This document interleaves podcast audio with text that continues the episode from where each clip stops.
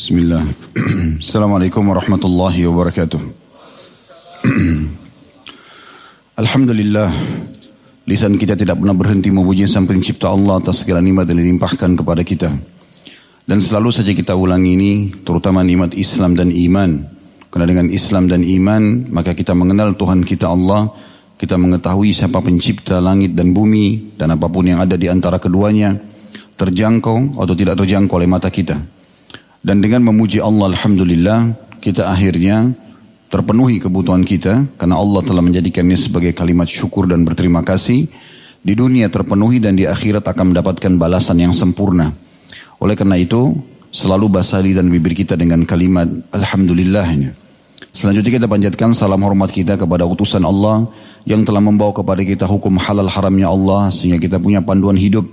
Dan tentu dengan itu kita mendapatkan juga kebahagiaan karena kita tahu mana makanan, mana minuman, mana pendapatan, mana pergaulan yang bisa dan tidak bisa atau yang dibolehkan dan dilarang oleh Sang Pencipta Allah. Dan tentu juga sebagai balas jasa atas kebaikan manusia terbaik ini karena telah menghabiskan 23 tahun dari masa hidupnya, 13 tahun di Mekah semuanya dengan hinaan, cacian dan puncaknya diusir dari kampung halamannya serta 10 tahun fase Madinah semuanya dengan penyempurnaan agama Allah Subhanahu wa taala sehingga sampai kepada kita. Pada kesempatan ini seperti biasa, sebulan sekali di Sabtu kedua selepas duhur sampai sampai selesai insya Allah menjelang asar nanti kita akan membahas di tablik akbar kita lanjutan serial sahabat Ridwanullahi alaihim manusia-manusia yang telah Allah pilih untuk mendampingi Rasulullah sallallahu alaihi wasallam ini satu kemuliaan yang tidak terhitung lagi dan tidak terhingga. Allah telah memilih mereka sehingga mereka menjadi sahabatnya, tetangganya, iparnya, mertuanya. Dan juga tentunya menjadi penolong-penolongnya. Orang-orang yang telah Allah sebutkan dalam Al-Quran, radhiyallahu anhum waradu'an. Allah ridho kepada mereka, mereka pun ridho kepada Allah. Manusia-manusia yang telah menerima Islam dan juga iman dan menanamkan di dalam hati mereka dicerna dan difikirkan dengan matang di pikiran mereka serta mereka aplikasikan dalam kehidupan tanpa ada keraguan sedikit pun. Kita mempelajari kisah mereka agar kita mencontohi mereka. Bagaimana mereka mendengarkan satu kali saja sabda Nabi Shallallahu Alaihi Wasallam atau firman Allah Subhanahu Wa Taala, langsung mereka jadikan sebagai pegangan hidup, sehingga hidup mereka berisikan semuanya syariat Allah Subhanahu wa taala, semuanya penuh keyakinan tentang janji Allah sehingga mereka sibuk mengejar janji tersebut dari setiap amal yang mereka kerjakan dan juga mereka sangat jauh dari pelanggaran-pelanggaran karena mereka yakin akan datang ancaman yang telah Allah ancamkan hukuman bagi para pelanggar. Ini alam yang luar biasa. Alam yang kalau orang mengikutinya maka akan seperti dengan mereka. Tokoh kita pada kesempatan ini Al-Bara ibn Malik radhiyallahu anhu.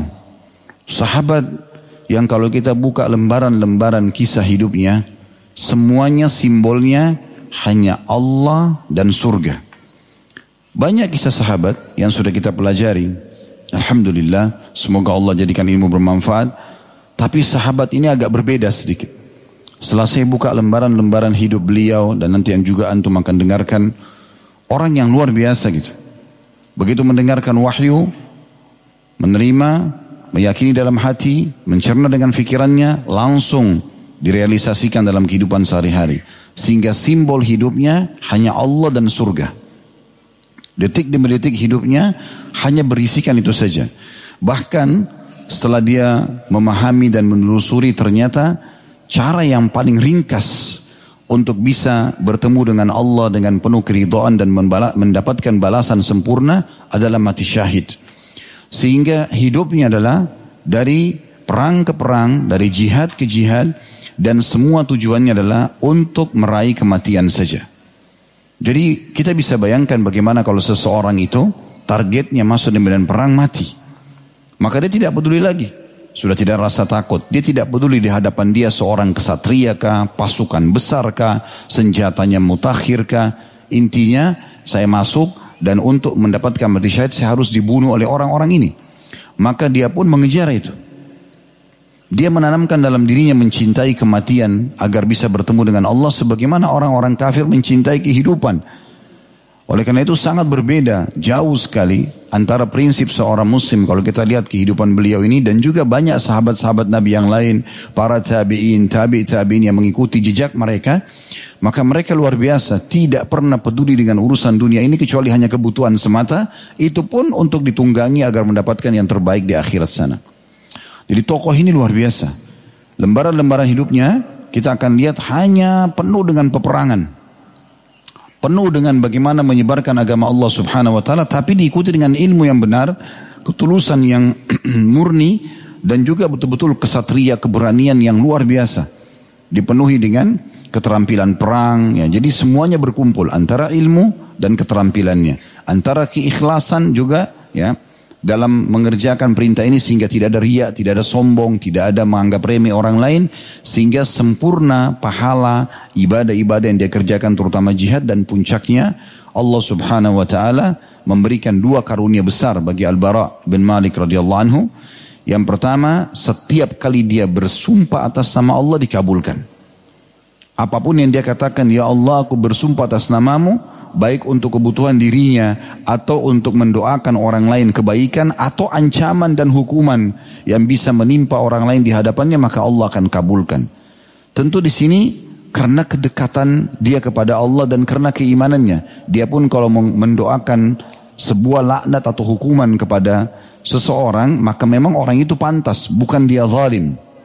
Sebagaimana nanti dia minta bagaimana musuh-musuh Allah dari kalangan pengikut Musailim al-Kadzab, ya, nabi palsu, dia mama, begitu juga dengan Hurmuzan yang berulang kali berkhianat kepada Umar bin Khattab radhiyallahu anhu pemimpin perang di wilayah Persia, maka nanti Al-Bara ibn Azib akan berdoa agar Allah Subhanahu wa taala mengalahkan mereka dan Allah berikan memang kemenangan bagi kaum muslimin.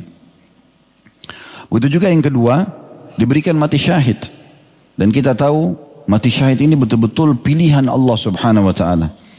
Selalu dalam sejarah jihad dari zaman Nabi Shallallahu Alaihi Wasallam sampai kapan pun akan terjadi, ya. Kalau itu terjadi dengan benar sebagaimana akan kita jelaskan nanti insya Allah, bukan jihad yang dikarang-karang, oleh sebagian orang mengatasnamakan jihad dengan membom sana sini, mengganggu ketentraman umat Islam, ketentraman negara, mengganggu juga keamanan orang-orang kafir yang dibawa naungan pemerintah Islam atau mendapatkan izin dari pemerintah ya, untuk datang. Bukan kafir harbi, bukan orang yang keluar bawa senjata memerangi muslimin, maka itu keliru, itu bukan jihad.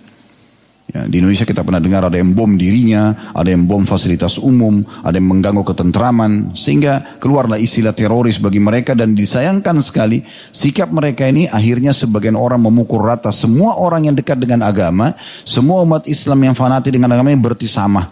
Nah ini keliru. Dan insya Allah pada kesempatan ini kita akan banyak menjelaskan tentang poin-poin seperti ini. Selalu jumlah orang yang mati syahid lebih sedikit. Selalu. Kita lihat perang Badar jumlah umat Islam 314 orang. Yang mati syahid hanya 60. Padahal pada saat itu pedang dengan pedang.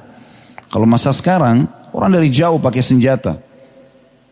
Tapi masa, dan orang bisa sembunyi di belakang dinding, bisa sembunyi di mana gitu, tidak kena. Tapi kalau di masa dulu, orang harus berhadapan. Dan ini berarti kematian lebih jelas depan mata mereka.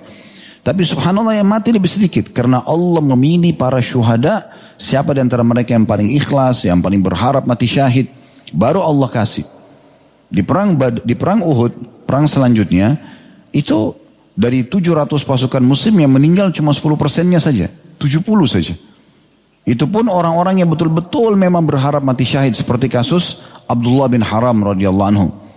Sahabat Nabi ini jarang orang tahu kisahnya tapi dia adalah orang yang begitu mendengar besok akan terjadi perang dengan Quraisy di Uhud maka di malam itu beliau begadang tidak tidur hanya minta semalam suntuk agar Allah karunia dia mati syahid besoknya. Karena itu Allah kasih dia syahid. Amr bin Jamuh iparnya atau besannya dia. Pincang kakinya. Di perang badar dilarang ikut oleh Nabi SAW karena anak-anaknya melobi. Mengatakan ya Rasulullah ya kami pincang. Nanti bagaimana kalau dia jatuh dari kuda. Dia akan dibunuh oleh musuh. Atau disakiti oleh musuh. Maka karena itu Nabi SAW izinkan dulu untuk tidak ikut di perang badar. Waktu di perang Uhud dia mengatakan ya Rasulullah, apakah pincang kakiku menghalangiku masuk ke dalam surga ya Rasulullah? Apakah karena pincang aku tidak bisa mati syahid? masuk surga? Izinkan ya Rasulullah. Maka Nabi SAW izinkan. Dan juga termasuk mati syahid pada perang Uhud. Hamzah radhiyallahu anhu yang memang selalu menyerang musuh dengan tujuan untuk mati syahid. Juga sama. Allah SWT berikan. Perang setelahnya perang khandak. Dihitung jari. Bahkan mungkin tidak ada korban dari kalangan muslimin. Pembebasan kota Mekah. Ya, itu juga sama. Tidak ada korban dari kalangan muslimin. Gitu kan. Selanjutnya perang Hunain. Ada korban tapi tidak seberapa. Dibandingkan dengan korban musuh Ya, pada saat itu yang luka-luka parah dari suku Aslam yang bersama dengan Khalid bin Walid turun di lembah Hunain, mereka yang luka-luka dan ada sebagian mereka korban. Tapi itu tidak banyak jumlahnya dibandingkan musuh yang hampir 30 ribu pasukan pada saat itu, mereka banyak sekali korban dan juga menjadi harta rampasan perang atau jadi ganima. Jadi begitulah terus selalu orang-orang yang mati syahid itu luar biasa adalah orang-orang memang yang paling turus berharapkan mengharapkan itu dan kemudian Allah SWT berikan. Ada satu poin saya ingin berbagi di sini. Bagaimana caranya menepis rasa takut untuk menghadapi kematian? Yang pertama, ikhwan dan akhwat sekalian, mati pasti datang. Antum lagi diranjang, lagi duduk, lagi sehat, atau lagi di medan perang, lagi lagi lagi tidur, lagi apa saja, kalau dia datang akan datang pada saat itu. Artinya kita memang tidak bisa menghindar. Dan mati itu cuma satu. Menghadapi sakaratil maut saja.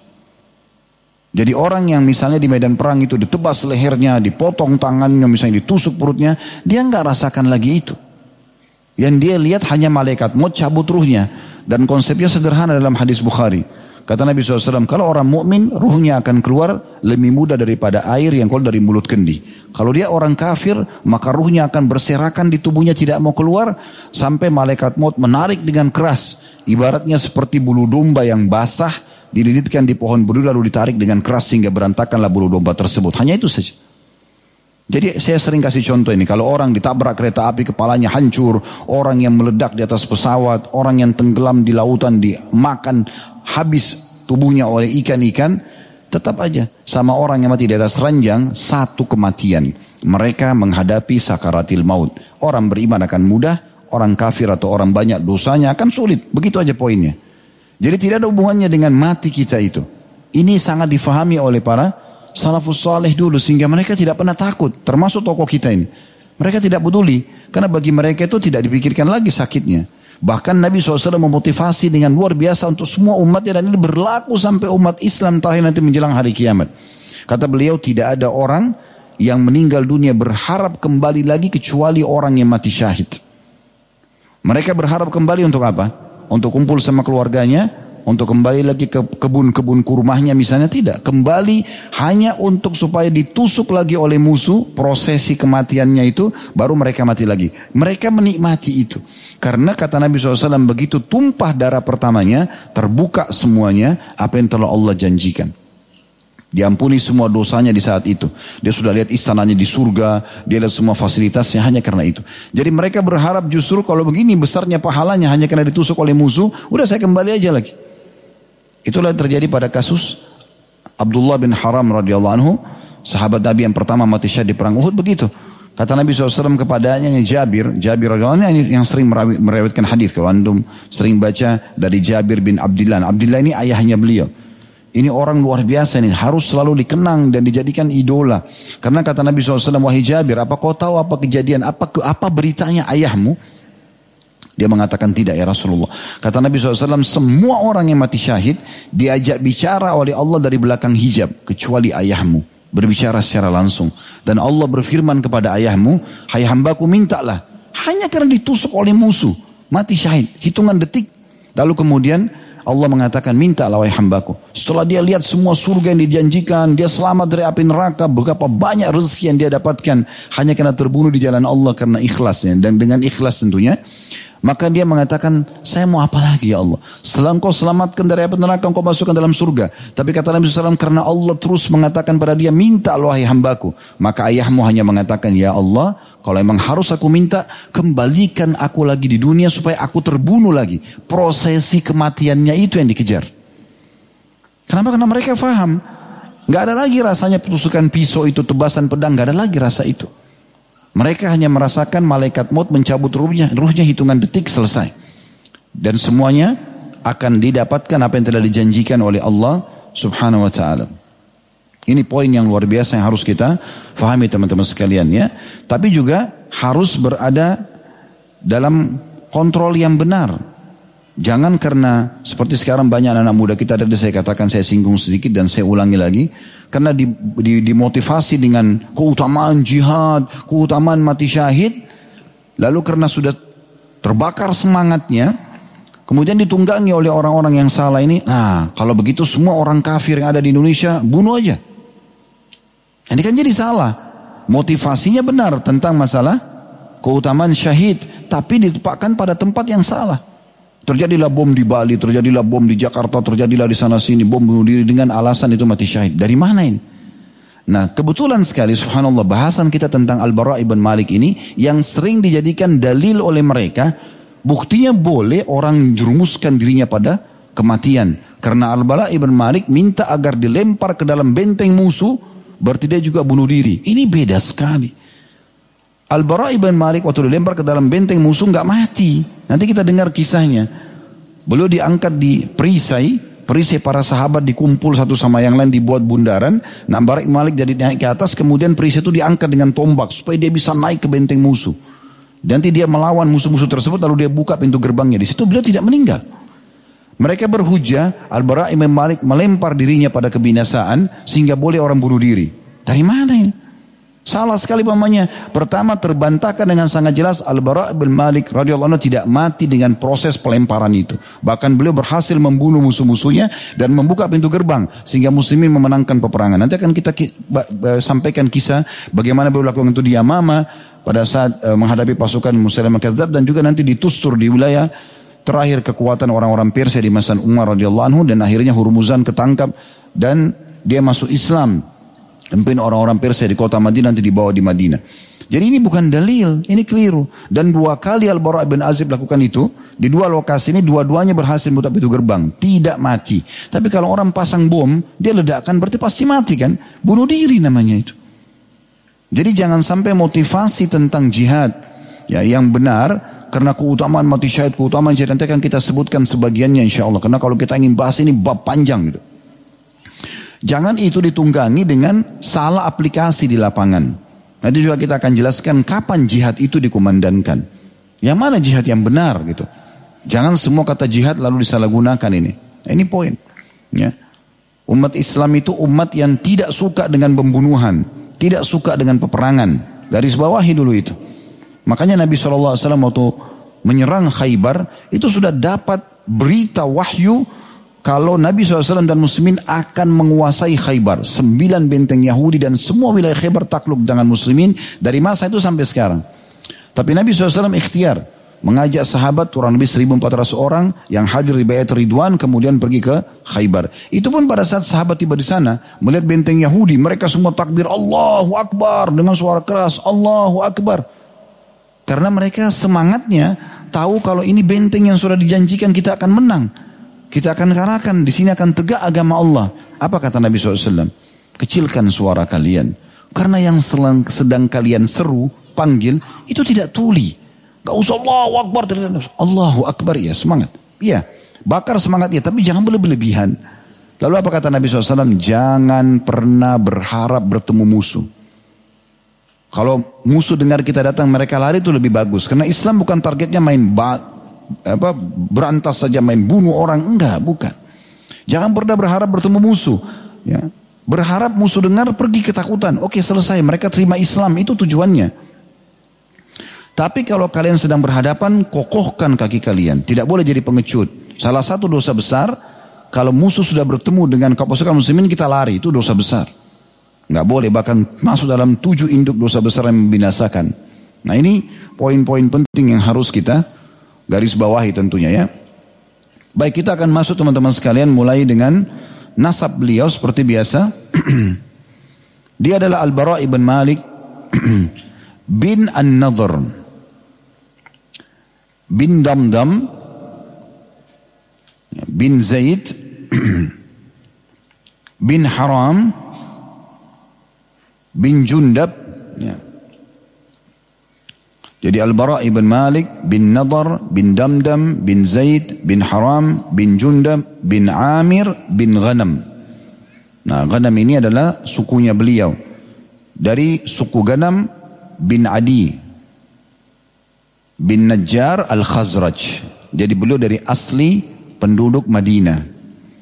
Dari suku Khazraj. Ya kalau masih ingat, saya pernah jelaskan Ansar yang diberikan julukan Ansar, penduduk asli Madinah, maksudnya penolong Nabi SAW, terdiri dari dua suku, Aus dan Khazraj. Nah ini suku Khazraj beliau. Orang ini tentunya yang telah disebutkan oleh Nabi SAW dalam sabda beliau nanti akan kita ulangi juga sabda ini. Tapi saya langsung terjemahkan nanti kita akan baca bahasa Arabnya insya Allah pada saat kita jelaskan ini masih pembukaan setelah nasab beliau untuk menguatkan kedudukan orang ini dan menjelaskan bagaimana posisinya. Kata Nabi SAW, banyak orang yang rambutnya kusut, berdebu, hanya memiliki dua helai pakaian saja. Hingga tidak diperhatikan oleh orang-orang sama sekali. Jadi kalau antum ketemu sama Al-Bara bin Malik waktu itu antum nilai siapa orang ini. Bajunya cuma dua lembar di badan, penampilannya kusut sekali gitu kan. Lesu kelihatannya, penuh dengan debu. Kemudian kata Nabi SAW, namun seandainya ia memohon kepada Allah kutukan buat seseorang, pasti akan dikabulkan. Dan di antara mereka adalah Al-Bara ibn Malik radhiyallahu anhum. Saya akan coba baca dulu apa yang ditulis oleh penulis di sini dari kisahnya seperti biasa. Setelah itu insya Allah baru kita masuk untuk menjelaskan tentang manakib beliau, keutamaan beliau, poin demi poin, baru kita masuk ke penutupan tabil akbar kita masalah ad-durus wal ibar atau pelajaran yang bisa kita ambil. Kata penulis ini Al-Bara ibn Malik, judulnya Sang Perindu Kematian. Apabila ia bersumpah dengan nama Allah, pasti dikabulkan olehnya. Sesungguhnya rahasia keagungan pejuang yang berperang dalam rangka menegakkan kalimat la ilaha illallah adalah ambisinya untuk mati melebihi ambisi musuh-musuhnya untuk hidup.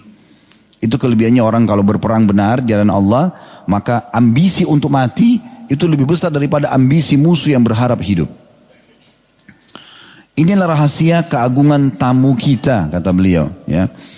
Seorang kesatria di mana kita akan berinteraksi dengannya melalui baris-baris kalimat berikut ini. Ia adalah Al-Bara ibn Malik, sang kesatria ahli perang, sahabat Rasulullah SAW, dan saudara khadim atau pelayan Nabi SAW, Anas ibn Malik.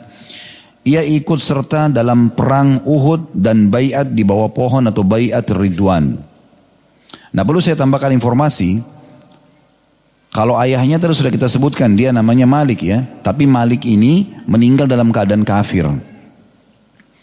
Ibunya seorang wanita yang masyhur, Ummu Sulaim radhiyallahu anha atau julukannya Rumaisa atau Gumaisa. Ibunya memang sudah dapat jaminan surga ini ya. Kita pernah jelaskan itu pada saat kita jelaskan uh, saudaranya Al-Bara yaitu Anas bin Malik. Pernah kita bahas dalam tablik akbar kita itu. Nah ini memang anak dari wanita mulia, memang sangat soleha. Ya saking solehnya sampai dapat jaminan surga. Dan memang lahirlah di tangan dia ya Al-Bara ibn Malik ini. Lalu kata penulis sungguhnya orang yang melihat Al-Bara untuk pertama kalinya saat sedang berperang, ia tidak dapat mempercayai dirinya bahwa ia seorang kesatria yang tidak hanya berperang demi meraih keberuntungan dan kemenangan, akan tapi justru untuk meraih mati syahid. Ia mencari surga di mana pun berada dan bagaimanapun cara menuju ke sana. Bahkan sesulit apa pun, slogannya selalu dalam hidupnya adalah Allah dan surga. Ini tokoh yang sedang kita pelajarin. Ya. Oleh karena itu Umar bin Khattab takut mengangkatnya sebagai pemimpin pasukan karena khawatir dengan keberaniannya untuk mati yang luar biasa. Maka Umar bin Khattab menulis instruksi kepada para pemimpin pasukannya jangan mengangkat Al-Bara sebagai pemimpin sebuah pasukan sebab dikhawatirkan ia akan mencelakakan pasukannya. Karena setiap kali masuk medan perang mati itu poin pertama. Cari mati ya. Masuk mati. Jangan berharap pulang. Hmm. Nanti kan kita lihat bagaimana motivasi dia pada saat di Yamama. Khalid bin Walid butuh semangat untuk pasukan. Khalid bin Walid suruh dia. Ayo bara, ayo berangkat. Dia langsung bicara nanti. Hai penduduk Madinah. Nggak ada Madinah lagi buat kalian mulai hari ini. Lupain semua.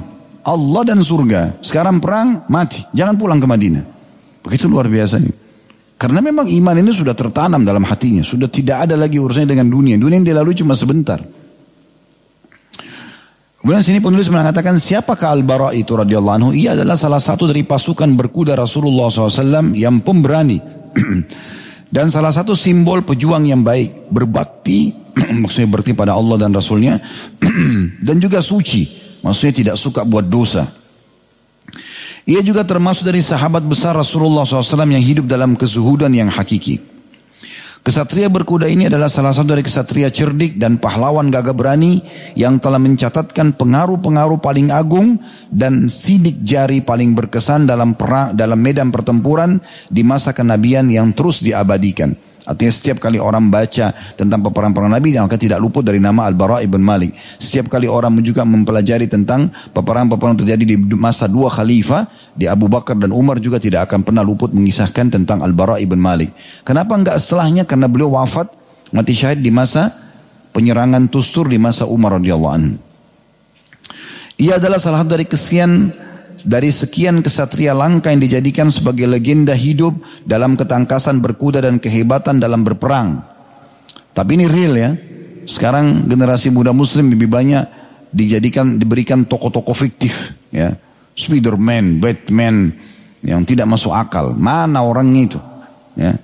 Bohong bisa terbang, bohong bisa pakai jaring melengket sana sini, dusta. Nggak ada. Jadi tokoh fiktif. Semua itu dan sejenisnya. Makin hari makin dilahirkan tokoh-tokoh fiktif semuanya. Punya kelebihan ini dan kelebihan itu. Mana ada kelebihan seperti itu di muka bumi ini? Tidak ada. Kita punya tokoh-tokoh muslim yang sejati. Betul-betul keberanian luar biasa. Masuk dengan keterampilan perang. Dengan keimanan mereka. Dan betul-betul mengalahkan musuh. Gitu. Ia juga adalah salah satu sahabat yang mulia dari kalangan Ansar dan salah satu pemuka yang baik hati. Ia telah berhasil membunuh seratus orang kafir dalam duel. Ya. Dan eh, eh, satu lawan satu. Dari dalam masa jihadnya beliau, dari awal jihad, dari perang Uhud beliau ikut, mulai Uhud karena di perang Badar belum diizinkan masih kecil. Karena dia dekat dengan umur saudaranya Anas. Maka mulai perang Uhud sampai beliau wafat mati syahid di Tustur nanti di Persia maka beliau sudah berhasil mengalahkan 100 orang dalam duel berdua. Pasti kan ini punya keterampilan luar biasa gitu. Ia selalu menunggang kuda dengan cara terlebih dulu menggiringnya, lalu duduk rata di atas punggungnya dengan mudah dan enteng. Maksudnya kudanya disuruh lari dulu, ditepuk sama dia, lalu dia lari kejar, lalu dia naik ke atasnya. Ya, karena luar biasa keterampilannya gitu. Dialah sang kesatria ahli berperang, sahabat Rasulullah SAW dan saudara khadim atau pelayan Nabi Anas bin Malik. Ya kalau antum sudah tahu Alhamdulillah pernah kita bahas itu ya. Tapi kalau perlu saya ingatkan Anas bin Malik ini yang pernah dibawa oleh ibunya Ummu Sulaim pada saat pertama sekali Nabi SAW hijrah ke Madinah langsung dibawa oleh Ummu Sulaim radhiyallahu anha. Ya Rasulullah ini Anas jadikan pembantu anda. Maka Anas bin Malik menjadi pembantu Nabi selama 10 tahun dari umur 9 sampai 19 tahun. Dia yang meriwayatkan hadis yang mengatakan saya telah menjadi pembantu di rumah Nabi SAW 10 tahun belum pernah saya temukan Nabi SAW bertutur kata yang kasar baik kepada para istri ataupun pembantunya. Ini dari riwayat Anas saudaranya beliau gitu kan. Ini yang disebutkan sini dia adalah saudara khadimnya Nabi Shallallahu Alaihi Wasallam. Lalu ada juga subjudul di seluruh skriptur sudah beliau kesatria berkuda yang tiada tandingannya. Referensi-referensi yang berbicara tentang Al-Bara ibn Malik radhiyallahu anhu menyinggung ciri yang menonjol pada pribadinya seperti keberaniannya, ketangkasannya dalam berkuda dan tekadnya yang tiada rasa gentar sedikit pun. Berita-berita tentang Al-Bara terfokus pada ketangkasan berkuda, keberanian dan pengorbanan diri yang hakiki. Maksudnya untuk mati syahid. Ia merupakan salah satu tokoh terbesar kesatria berkuda dari kalangan Ansor yang mendatangkan keberkahan. Dan dikenal dengan kesengitan dan kegarangannya dalam perang. Kehidupan Al-Bara adalah berjuang dan terus berjuang dan jihad juga terus berjihad. Perang Uhud merupakan perang pertama yang diikuti Al-Bara dalam mendampingi Rasulullah SAW. Kemudian disusul dengan sejumlah peperangan lainnya. Seperti perang Khandak. Di mana perang ini juga dia punya kiprah. Tak kala Rasulullah SAW berangkat ke Hudaybiyah. Waktu mau umroh ya. Karena habis perang Khandak. Nabi SAW mengajak muslimin untuk umroh. Sekitar 1.400 orang. Dan akhirnya di sana terjadi kesepakatan Hudaybiyah. Karena orang-orang Quraisy menahan muslimin untuk masuk umroh. Ditulislah kesepakatan pada saat itu untuk tidak boleh ya masuk pada tahun ini tahun depan baru masuk. Namun sebelum ditulis kesepakatan tersebut, ya sempat Nabi SAW berkata kepada Umar bin Khattab radhiyallahu anhu, Umar, pergilah masuk ke Mekah temuin Abu Sufyan dan sampaikan maksud kita untuk umroh. Silakan dilihat kita semua berihram, kita juga membawa hadyu, hewan kurban. Kenapa dianggap kita mau berperang? Lalu Umar mengatakannya Rasulullah, Anda tahu bagaimana kerasnya saya terhadap Quraisy. Kalau Anda suruh saya nanti saya masuk Abu Sufyan bicara kasar, saya perang tuh di sana. Gitu. Lebih baik utus orang yang lebih, lebih lembut dari saya dan keluarganya Abu Sufyan sama-sama suku Umayyah. Kata Nabi SAW siapa? Kata Umar, Uthman bin Affan. Kata Nabi SAW, kata Umar, kata Nabi SAW, baiklah. Diutuslah Uthman. Rupanya Uthman untuk masuk ke Mekah, karena sahabat dekatnya Abu Sufyan, satu suku, juga sama-sama tokoh Mekah. Waktu disampaikan tujuannya muslimin, Abu Sufyan sempat menahan Uthman bukan untuk di, di, ditawan, tapi untuk ngobrol. Cuma karena lama, Nabi SAW pikir ada sesuatu terjadi pada Uthman nih. Maka beliau pun berdiri di bawah sebuah pohon, lalu beliau mengajak semua, ya, muslimin yang ada pada saat itu sekitar 1400 orang ya, itu untuk bayat. Ambil janji setia kalau Utsman tidak kembali atau terbunuh maka kita serang Mekah nih. Semuanya salaman. Dan Al-Bara ibn Malik salah satu yang pertama menyalami Nabi SAW untuk sepakat untuk itu. Maka dikenal dengan bayat ridwan. Nanti kan kita pelajari sebentar dalam durusur ibar bagaimana kedudukan orang-orang yang hadir di bayat ridwan itu. Kurang lebih seribu 400 orang. Jadi ini perselisih pendapat antara ulama sejarah, hadis sejarah 1400 orang semuanya sahabat yang bayat atau 1399. Kenapa? Karena ada satu ya orang munafik yang ikut pada satu dalam buku-buku sejarah dia tidak mau bayat. Pada saat orang semua sudah bayat, Nabi SAW mengatakan kalian semua akan masuk surga kecuali orang yang sembunyi di belakang unta merah itu. Karena si munafik sembunyi di belakang unta supaya nggak kelihatan supaya dia tidak bayat gitu. Nah dari situ selisih pendapat ulama antara 1400 atau 1399 karena jumlahnya sekitar begitu yang ikut pada saat itu. Jadi dikatakan tak Rasulullah SAW berangkat ke Hudaybiyah, Al-Bara juga ikut berangkat menyertainya. Ketika kaum muslimin mulai berbaiat kepada Rasulullah SAW yaitu baiat ridwan atau baiat yang janji setia yang diridohi di bawah pohon, tangan kanannya menjabat tangan kanan Rasulullah SAW yang mulia, lalu berbaiat kepadanya untuk siap mati. Lalu turunlah firman Allah Subhanahu wa taala dari atas tujuh langit seraya mensucikan bayat ini dan meridhoi para pesertanya dalam surah Al-Fatih ayat 18 yang bunyinya laqad radiyallahu 'anil mu'mina idh yubayyi'unaka tahta asy-syajarah al-ayah sesungguhnya Allah telah ridho terhadap orang-orang mukmin ketika mereka berjanji setia kepadamu di bawah pohon setelah bayat yang diberkahi dan menunjukkan kedalaman iman dalam diri para sahabat, Al-Bara melanjutkan perjalanan jihad dan pembelaannya tentang syariat agama ini. Ia ikut serta dalam penaklukan Mekah, perang Hunain dan peperangan-peperangan lain semasa hidup Rasulullah SAW hingga Rasulullah SAW berpulang ke Rafiul A'la atau kepada Tuhannya. Allah Subhanahu wa taala. Eh, beliau memberkahi atau memberkahi kehandalan beliau diberkahi atau diberikan kehandalan berperang atau eh, berkuda dan berperang dan juga kepahlawanan yang langka. Maksudnya tidak pernah mengenal capek, letih, tidak pernah mau tahu umurnya sudah berapa. Intinya selalu ada kesempatan perang beliau ikut. Apakah setelah itu, setelah meninggalnya Nabi SAW, perjalanan ketangkasan berkuda itu berhenti dalam hidup Al-Bara ibn Malik, sang ahli berkuda yang gagah berani ini? Tanda tanya.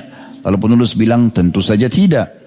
Perjalanan masih panjang di hadapan Al-Bara, sebab ia masih dalam masa berkembang dan usia belia yang semangatnya selalu berkobar untuk berperang dan bertemu dengan musuh-musuh. Bila mana perang mulai berkecamuk, Al-Bara mengamuk menumpas setiap kekuatan jahat dan tindakan melampaui batas yang ditemui di hadapannya. Ia tidak peduli dengan yang namanya kesatria, benteng, tombak, atau pedang. Ia akan mendobrak segala yang di hadapannya dengan kekuatan iman. Ini mahal sekali bahasa ini ya. Saya waktu baca ini, saya langsung coba merenungi itu. Setiap kali saya baca, saya coba renungi. Dengan harapan kalau saya pun meresapi ini, kalau saya sampaikan, antum pun bisa merasakan itu. Karena kalau kita jiwai sebuah materi yang kita ingin sampaikan juga akan beda ya penyampaian dan penerimaan kalau memang kita sampaikan. Karena memang ini penting sekali. Beliau walaupun garang, walaupun memang dia sangat luar biasa ya dalam berperang, ya. Namun itu semua dibekali dengan keimanan, dilakukan bukan karena riak.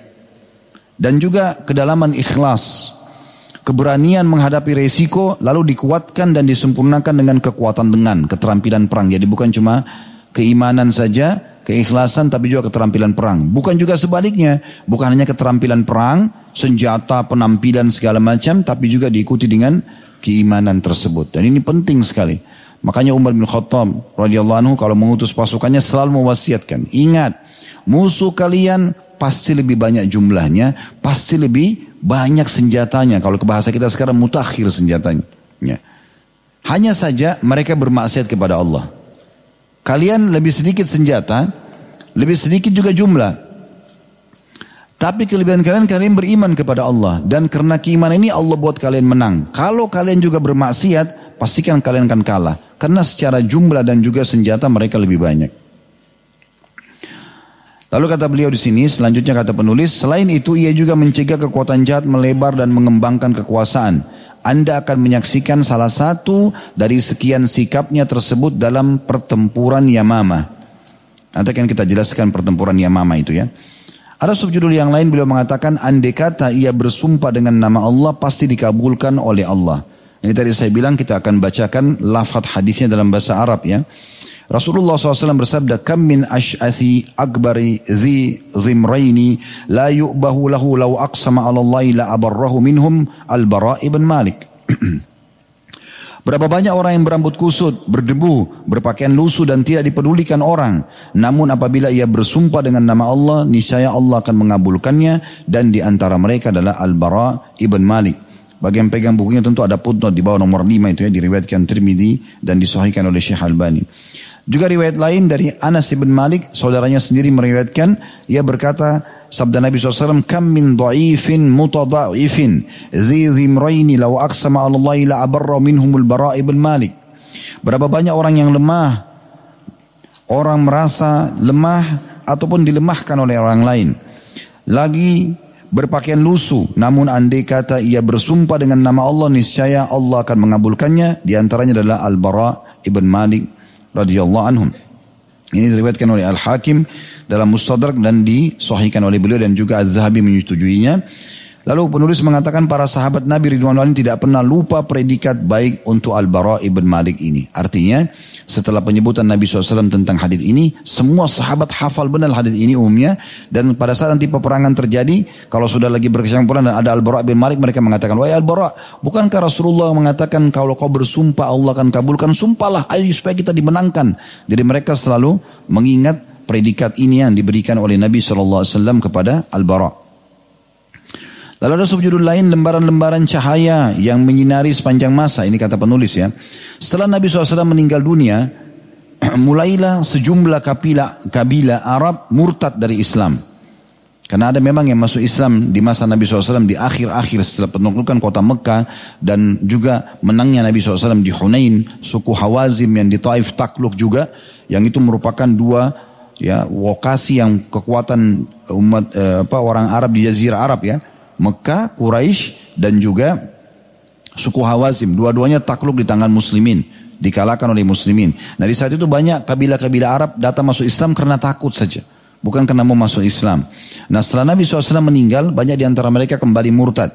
Lalu datang berbagai fitnah dari segala penjuru. Dan hampir saja matahari Islam menghilang. Kalau saja Allah subhanahu wa ta'ala tidak berjanji menjaga agama ini. Maka bangkitlah Abu Bakar radhiyallahu anhu berdiri tegak menghadang fitnah. Dan benarlah perkataan orang yang telah mengatakan Allah Subhanahu wa taala telah menjaga Islam pada masa kemurtadan.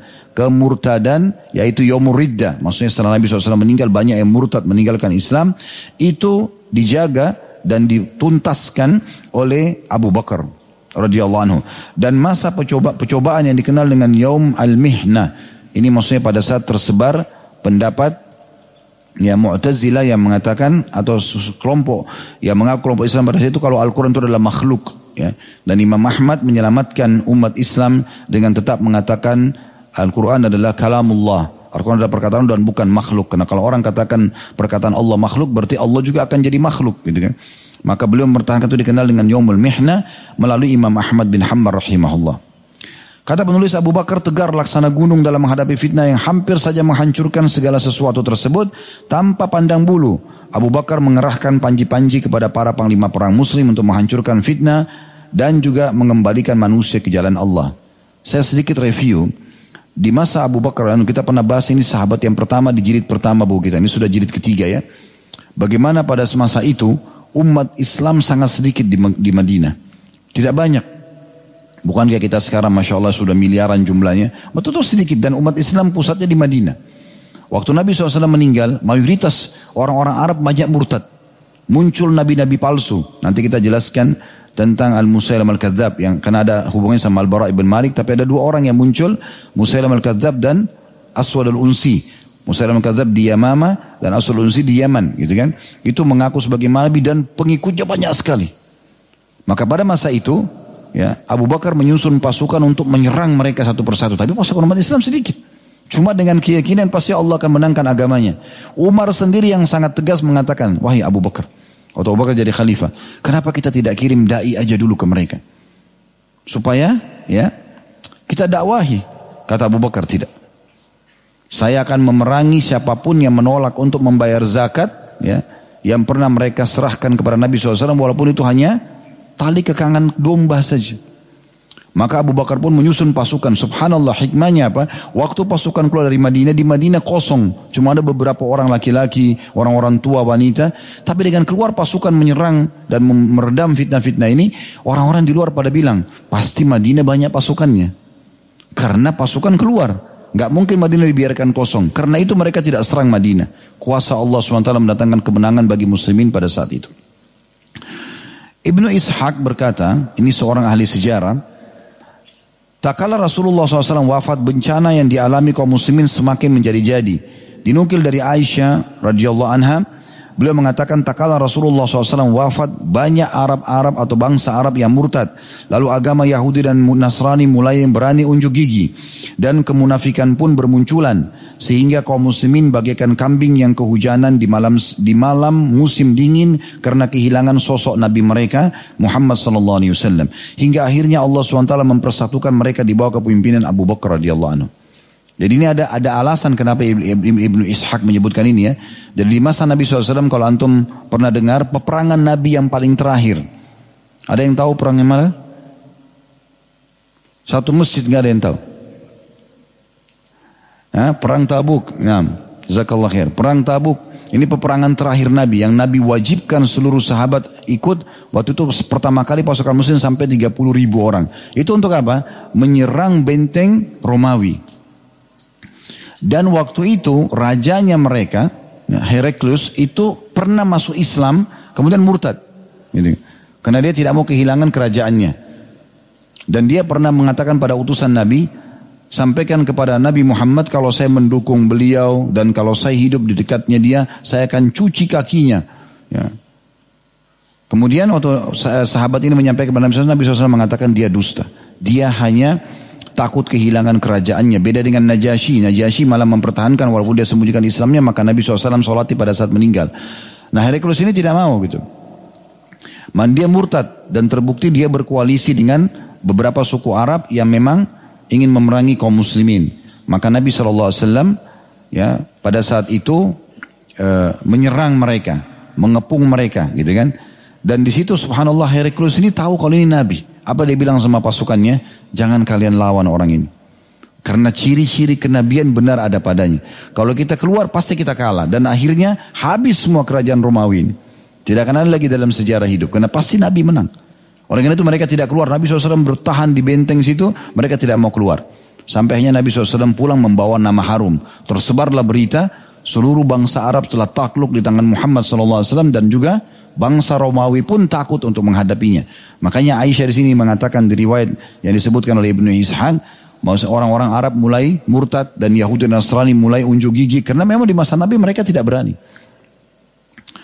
Kemudian kata beliau perang terhadap kaum murtad yang terus berkobar dan berlangsung hingga selama setahun penuh di masa Abu Bakar. Abu Bakar berkuasa dua tahun, tahun 11 sampai tahun 13. Satu tahun penuh itu adalah penyelesaian tentang ya orang-orang yang murtad dari Islam ini munculnya nabi-nabi palsu, orang-orang yang menolak membayar zakat dan yang sejenisnya. Kata beliau, perang terhadap kaum murtad terus berkobar dan berlangsung hingga hampir setahun penuh. Merupakan perang paling sengit yang pernah disaksikan oleh bangsa Arab dan kaum muslimin dalam sejarah kemiliteran mereka. Perang ini berhasil memunculkan dan mengungkap tambang para tokoh, panglima perang, yaitu Khalid bin Walid misalnya. Belum ada satu ahli perang pun yang dapat menggantikan posisinya dalam bertempur melawan kaum murtad dan menumpas fitnah yang mereka timbulkan. Wilayah gerak utama adalah wilayah Bazakha di wilayah Bani Asad dan juga kawasan Bita di perkampungan Bani Tamim dan kawasan Yamama. Intinya ini sebenarnya di sekitar Yamama ya. Bumi kelahiran Bani Hanifah. Nah, di sini saya jelaskan. Kalau pernah dengar saya sampaikan kisah bagaimana Thumama bin Gusal bin Gusal radhiyallahu anhu ini orang pernah tertawan di tangan sahabat Nabi namanya Muhammad bin Maslamah. Muhammad bin Maslamah Nabi pernah suruh utus menyerang satu wilayah. Pas pulang ke Madinah, orang-orang ditawan sama dia. Ya, yang dikalahkan wilayah itu. Ternyata ada satu orang namanya Sumama lewat di situ. Dikira oleh Muhammad bin Maslamah ini adalah dari suku itu. Ditawanlah dia. Lalu dibawa ke Madinah. Setelah di, di, ditaruh di satu tempat semua tawanan, Nabi SAW lewat. Begitu Nabi lihat, Nabi bilang kepada Muhammad bin Maslamah, Hai Muhammad, kau tahu ini? Siapa yang kau tawan ini? Dia bilang tidak. Ini Sumama, kepala sukunya Bani Hanifah. Ini ada alasan kenapa saya sampaikan kisah ya, karena sangat berhubungan dengan Musa Al-Kadzab. Maka kata Muhammad bin Maslamah, saya tidak tahu ya Rasulullah. Kata Nabi SAW, muliakan dia. Orang ini kalau masuk Islam, ada ratusan ribu orang di belakang ini. Sukunya besar sekali, suku Hanifah. Kalau masih ingat kisahnya, dia ini, suku inilah yang mensuplai makanan, pangan ke Mekah. Suku ini yang mensuplai itu. Pada saat itu, setiap hari Nabi SAW menyuruh Sumama ini ditaruh di dalam masjid, ditawan di masjid, diikat di situ, kemudian dia dengarkan tilawah-tilawah ayat Al-Quran yang dibaca Nabi SAW di sholat subuh, sholat maghrib, sholat isya, yang dibaca oleh para sahabat di masjid. Supaya dia ngerti, supaya dia tersentuh karena memang orang ini orang Arab tahu apa yang dibacakan dalam ayat Al-Quran. Setiap kali Nabi SAW selalu datang, Hai Sumama bagaimana pendapatmu tentang Islam? Dia mengatakan, Hai Muhammad, engkau telah ya menawan seseorang yang punya pasukan di belakangnya dan ya juga uh, orang yang kau tawan orang yang tahu berterima kasih. Artinya kalau kau bebaskan aku, aku akan balas kamu dengan baik. Tapi kalau engkau terus tawan aku, pasukanku akan datang menyerang Madinah. Nabi SAW biarkan aja. Terus kemudian ditanya lagi setelahnya. Ditanya, setelah tiga hari ditanya, dan umumnya orang pada masa itu kalau sudah ditawan seperti ini, apalagi kepala suku, itu cuma ditawarin sukunya mau tebus yang mahal, atau kalau tidak dibunuh. Supaya sukunya ketakutan. Karena kan seperti ular ditebas lehernya sudah nggak bisa apa-apa lagi karena pimpinannya sudah mati gitu. Dan pada masa itu sudah tenar sekali itu. Si Sumama ini kaget dan ini penyebab dia masuk Islam radhiyallahu anhu karena Nabi SAW setelah tawarkan di hari ketiga dan untuk bagaimana pendapat tentang Islam dia tetap mengatakan ya engkau telah menawan orang yang punya kekuatan dan engkau juga menawan orang yang tahu berterima kasih maka Nabi SAW mengatakan Hai Sumama pulanglah aku telah memaafkanmu tidak diambil hartanya, tidak disakiti, bahkan selama muamalah beberapa hari ditawan itu dikasih makanan, dikasih minuman. Dan Nabi SAW memang menyuruh para sahabat bukan cuma Sumama, siapa pun disuruh muliakan. Maka eh, sebagian tawanan orang-orang kafir sempat berkata pada saat itu kami menyaksikan bagaimana sahabat-sahabat Muhammad mereka memasukkan ke mulut-mulut kami roti yang manis dan mereka sendiri mengkonsumsi kurma yang kering karena memuliakan para tawanan, gitu kan, agar mereka juga bisa menerima Islam. Maka pada saat itu Sumama kaget, tidak disakiti, tidak diminta tebusan dari sukunya, tidak juga dibunuh. Makanya dia masuk Islam. Dan dia mengatakan, Hai Muhammad, sesungguhnya dulu sebelum masuk Islam ini, yang paling aku benci ke engkau. Yang paling aku benci ya negerimu, ya Madinah ini. Yang paling aku benci agamamu. Tapi sekarang semua berbalik. Yang paling aku cintai engkau, negerimu dan agamamu. Maka perintahkan ya Rasulullah. Langsung, ini kepala suku ini. Apa yang dia bilang sukunya semua ikut. Perintahkan, mau apa? Mau serang musuh, mau apa, silakan. Kata Nabi SAW tidak. Dakwahi kaummu. Gitu kan? Supaya mereka masuk Islam. Lalu apa yang saya harus lakukan ya Rasulullah dengan Quraisy? Dia sudah tahu Quraisy ini musuhnya ya Nabi SAW yang orang-orang kafirnya pada saat itu. Maka kata Nabi SAW, Tidak ada. Tidak, harus buat apa-apa dulu sekarang. Terus dia bilang, ya Rasulullah, tadinya waktu saya sebelum ditawan sama Muhammad bin Maslama ini, saya tadinya mau ke, ke Mekah, mau umroh. Umroh masa itu ya. Masih ada berhalanya, ada syiriknya gitu. Lalu apa saya sekarang lanjutkan umroh? Kata Nabi SAW, iya. Lalu kemudian Nabi ajarkan dia talbiyah yang benar. Karena kan talbiyah yang benar sudah kita tahu labbaik Allahumma labbaik labbaik la syarika lak labbaik innal hamda wal ni'mata lakal mulk la syarika lak. Nah ini orang-orang Quraisy tambahkan illa syarikan huwa lak tamliku wa ma malak. Labbaik Allahumma labbaik, ya Allah aku jawab panggilanmu dengan santun. Labbaik la syarika laka labbaik, aku jawab panggilanmu dengan santun, tidak ada sekutu bersamamu. Innal hamda wa ni'mata laka wal mulk. Sungai puji-pujian, nikmat dan juga kerajaan hanya milikmu, la syarika lak. Tidak ada sekutu bersamamu. Orang Quraisy tambah apa? Illa syarikan huwa lak, kecuali sekutu yang engkau miliki tamliku wa malak. Engkau miliki ya dan apa pun yang dia miliki. Semua dikuasai olehmu ya Allah. Tapi dia bersyirik, mereka syirik. Tetap ada patung yang mereka jadikan perantara dengan Allah. Maka ini dilarang gitu kan. Waktu Sumama masuk ke Mekah, beliau tawaf disambut oleh orang Mekah. Karena ini apa suku besar, suku Hanifah di sebelahnya Mekah. Yamama itu dekat dengan Mekah gitu. Dan dia pada saat itu eh, apa namanya eh, mensuplai, penyuplai pangan, makanan pokoknya orang Mekah itu dari mereka. Waktu tawaf, Sumama baca talbiyah tidak ikutin tambahan orang Quraisy. Maka orang Quraisy bilang, apa kau sudah murtad hai Sumama? Kata Sumama tidak, tapi saya sudah masuk Islam. Oh orang Quraisy langsung pada saat itu panas mau menawan dia. Dia mengatakan kalian tawan saya, kalian tahu siapa saya. Kalian tahu bagaimana kekuatan saya. Tapi mereka tetap karena marah ditawan. Sumama kirim utusan informasi ke sukunya, suruh boykot semua makanan yang masuk ke Mekah. Dalam hitungan dua hari, makanan mereka habiskan masa dulu tidak ada kulkas, penyimpanan makanan. Jadi makanan itu sudah rusak. Dua hari habis. Mekah kehabisan makanan. Suku Hanifah semua boikot, nggak boleh. Dan apa pun suplai makanan orang selain suku mereka juga mau masuk ke Mekah ditahan semua. Maka akhirnya orang-orang Quraisy mengatakan sudah Sumama maafin kami, kami akan lepaskan kamu segala macam. Sumama karena Muslim dia bilang apa? Saya tidak akan maafkan kalian, tidak akan kembali pangan ini sampai Rasulullah izinkan. Baru masuk Islam ini. Itu luar biasanya kepala suku begini kalau masuk Islam dan dia memang benar Islamnya. Maka akhirnya disampaikanlah pada saat itu kepada Nabi SAW. Nabi SAW bilang lepaskan saja. Maka dilepaskan. Nah ini kedudukan suku Hanifah ini. Kenapa kita datangkan ini teman-teman sekalian? Setelah itu suku Hanifah ini banyak masuk Islam. Bahkan mayoritasnya masuk Islam. Kecuali ada satu orang tidak mau masuk Islam. Namanya Musailamah. Ya. Nanti diberikan julukan Al-Kazzab pendusta oleh Nabi. Ada alasannya kenapa diberikan julukan. Nanti kita sebutkan sebentar. Saya kembali membaca dulu. Pada saat itu Abu Bakar mengutus pasukan dipimpin oleh Khalid bin Walid untuk ya memberantas kemurtadan Musailam al-Kazzab ini ya karena dia mengaku sebagai nabi palsu. Kemudian dipimpin pertamanya oleh Ikrimah bin Abi Jahal dan Syurahbil bin Hasanah. Tapi dua sahabat ini kalah oleh Musa al-Kadzab. Karena jumlah umat Islam cuma belasan ribu pada saat itu 12, 13 ribu. Jumlah mereka itu 40 ribu lebih. Ini suku besar. Nah pada saat itu akhirnya Abu Bakar mengutus ya datang ke sana Khalid bin Walid dan akhirnya mengalahkan benteng tersebut. Tapi saya ingin sampaikan dulu tentang Musailamah Al-Kadzab. Ini tentu tidak ada di dalam buku kita, saya sampaikan tambahan. Kita cerita dulu tentang masalah, ini kan tadi perang Yamama itu terjadi setelah Nabi SAW meninggal ya. Masa pemurtadan tadi saya bilang. Nah, awal kisahnya itu, di tahun 9 Hijriah, nah, di tahun 9 Hijriah, setelah pembebasan kota Mekah, setelah uh, suku Hawazim dikalahkan di Hunain, perang Hunain, maka suku-suku Arab tadi kan banyak datang masuk Islam. Di antaranya berbondong-bondong dari suku Hanifah ini masuk Islam. Tapi di saat itu si Sumama ini kalau tidak salah sudah meninggal dunia.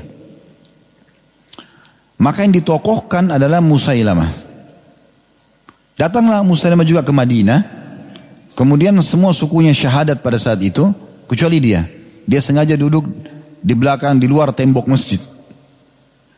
Setelah semua masuk Islam, orang sukunya datang mengatakan, Wahai Musailamah, kenapa engkau tidak masuk Islam bersama kami. Dia ucapkan kata-kata yang didengar oleh Nabi. Dia bilang begini, Kalau seandainya Muhammad mau memberikan kepemimpinan setelah setelah dia meninggal, aku yang jadi penggantinya, aku mau masuk Islam. Nabi SAW dengar itu.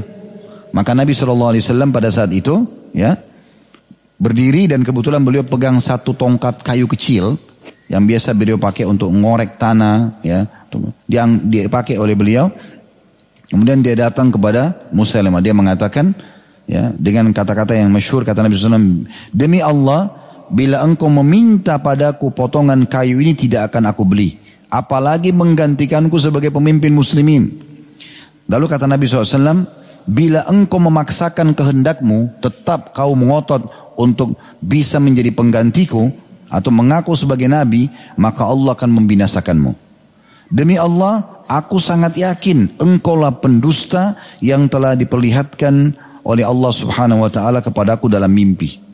Ini kata Nabi SAW kepada Musa yang kadzab di tahun 9 Hijriah. Gitu kan? Setelah suku Hanifah pergi semua, Musailamah tetap tidak masuk Islam.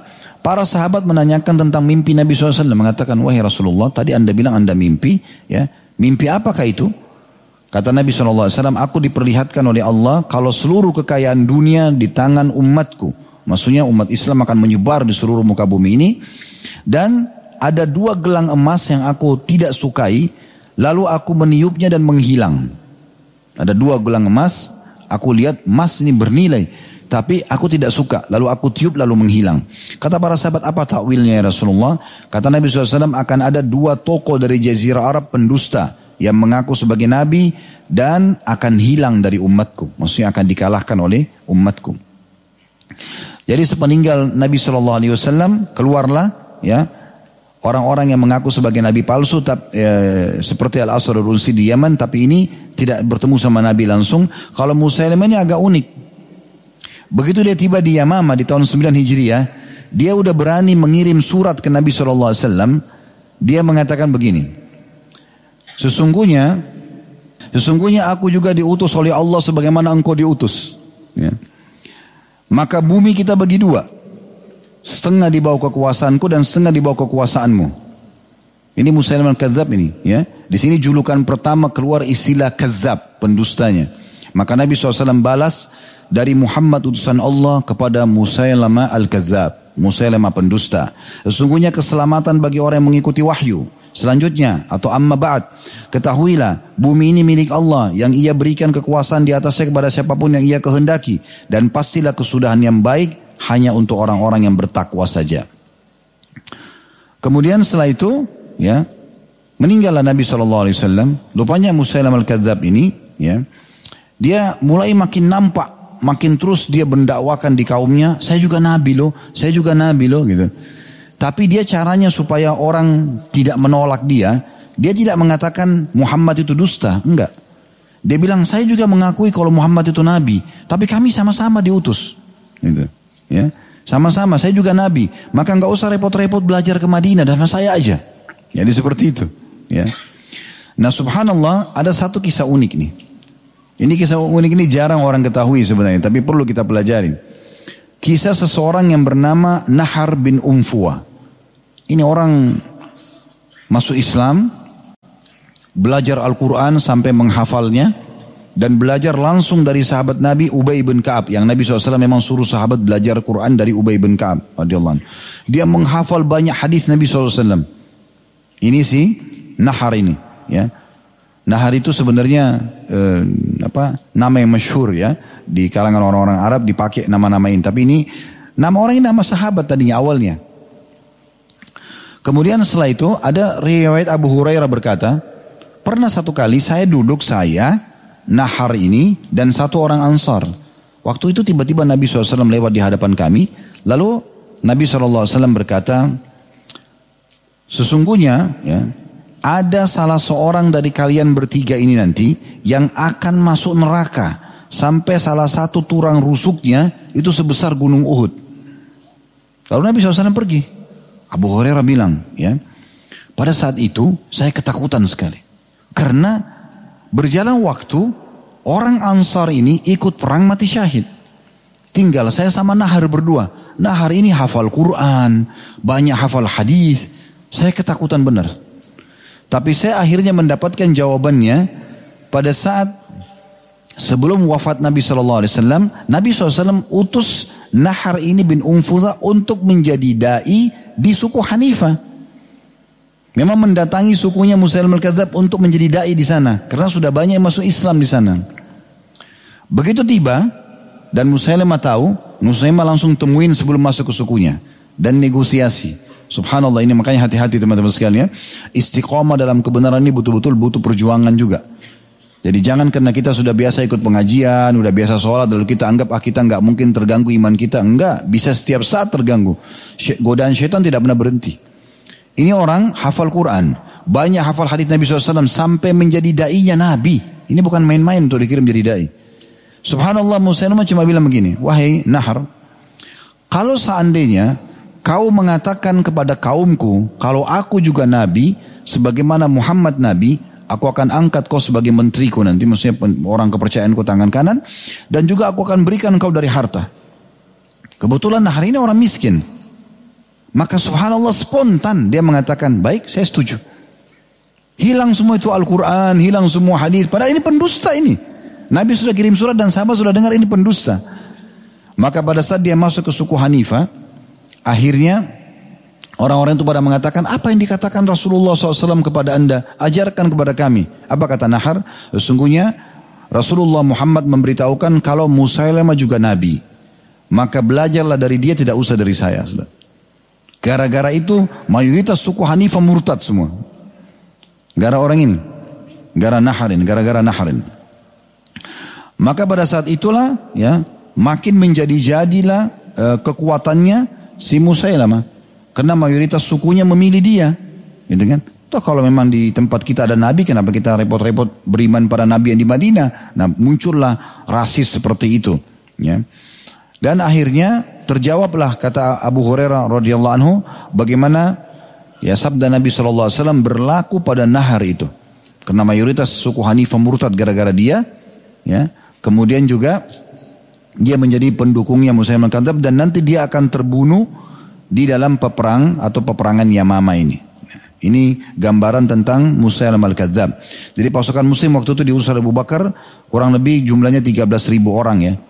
13 ribu ada sebagian ahli sejarah mengatakan 12 ribu. Dan saking dahsyatnya perang Yamama ini sampai-sampai pada saat itu yang terbunuh mati syahid 1200 orang. Banyak sekali dari kalangan sahabat. Jadi dari 13 ribu meninggal 1200 sebenarnya sih tidak besar kalau di, menjadi jumlah ya di bawah 10 persen. Dan terbunuh dari pasukan Musailam al-Kadzab yang tadinya 40 ribu orang terbunuh 21 ribu. Jadi lebih dari setengahnya terbunuh. Kalau dipresentasikan kurang lebih kata penulis nanti kita bacakan itu sekitar 6 persen saja dari jumlah syuhada dibandingkan korban muslimin dengan korban orang-orang kafir ini. Baik saya masuk membacakan lagi kembali karena kita sedang bedah buku maka saya uh, punya keharusan ya kewajiban untuk membaca ini supaya sampai semua apa yang penulis inginkan baru kita masuk tambahan-tambahannya. Pasukan pertama yang dipimpin oleh Ikrimah bin Abi Jahal ya, berhasil dikalahkan oleh Musailam al-Kadzab. Begitu juga yang dipimpin oleh Syurahbil bin Hasanah. Sampai akhirnya ya, Abu Bakar mengutus Khalid bin Walid ke sana. Tak kala berada di tempat yang berjarak tempuh semalam dari markas Musailama, Khalid bin Walid menyerang pecahan pasukan dari Bani Hanifah yang berkekuatan antara 30 sampai 40 prajurit berkuda. Lalu Khalid bin Walid berhasil menawan mereka dan membunuh para pengikut Muja'a. Muja'a ini panglima perangnya Musailam al-Kadzab. Sementara Muja'a dibiarkan hidup dan dijadikan sebagai sandera karena punya kedudukan di suku Hanifah. Lalu pasukan kaum muslimin dan pasukan Musailamah bertemu di Akraba namanya di wilayah namanya Akraba. Peperangan berlangsung sangat sengit, sampai-sampai uh, tujuh bila pedang Khalid Maulid patah semuanya. Jadi saking sengitnya peperangan sampai bisa patah pedang tujuh bila pedang patah semua. Belum pernah terjadi sebelumnya peperangan yang sesengit ini. Kaum muslimin berhasil dipukul mundur hingga Bani Hanifah berhasil memasuki tenda Khalid. Akan tetapi kaum muslimin kembali menyusun kekuatan dan berperang mati-matian. Saat itu Khalid bin Walid berkata, Wahai sekalian manusia, tunjukkanlah diri kalian atau pisahkan dari musuh-musuh kalian agar kita bisa mengetahui sejauh mana kekuatan setiap suku dan dari arah mana kita akan diserang. Akhirnya setelah upaya yang sangat yang amat keras, kemenangan pun diraih para pendukung penolong agama Allah.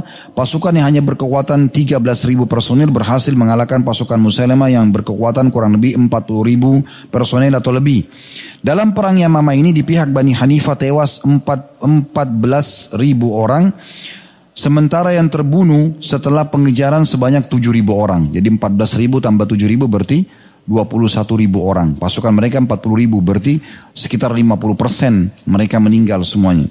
Jadi peperangan yang sangat luar biasa, korbannya sangat banyak. Sementara yang terbunuh, ya, dan Musayyamah juga terbunuh di situ. Sedangkan yang terbunuh dari kalangan muslimin gugur 360 orang dari kalangan muhajirin dan ansar, 300 orang muhajirin yang bukan penduduk Madinah, 300 dari kalangan tabi'in dan 500 dari para qari atau pembaca Al-Quran. Dengan demikian total total korban gugur dari pihak muslimin adalah 1200 syahid. Jika jumlah syuhada kaum muslimin dibandingkan dengan korban tewas kaum musyrikin, maka jumlahnya hanya sekitar 6% saja dari jumlah korban tentara-tentara yang murtad. Dan ini tergolong sebagai kemenangan yang sangat gemilang.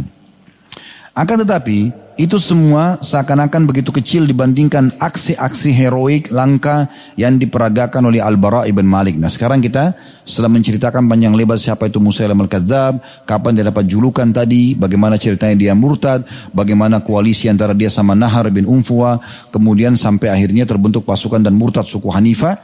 Nah di sini mulailah diceritakan tentang kisah Al-Bara ibn Malik oleh penulis. Diriwayatkan dari Anas radhiyallahu anhu, ini saudaranya Al-Bara, sesungguhnya Khalid berkata kepada Al-Bara pada peristiwa perang Yamama, "Wahai Bara, ayo bangkitlah."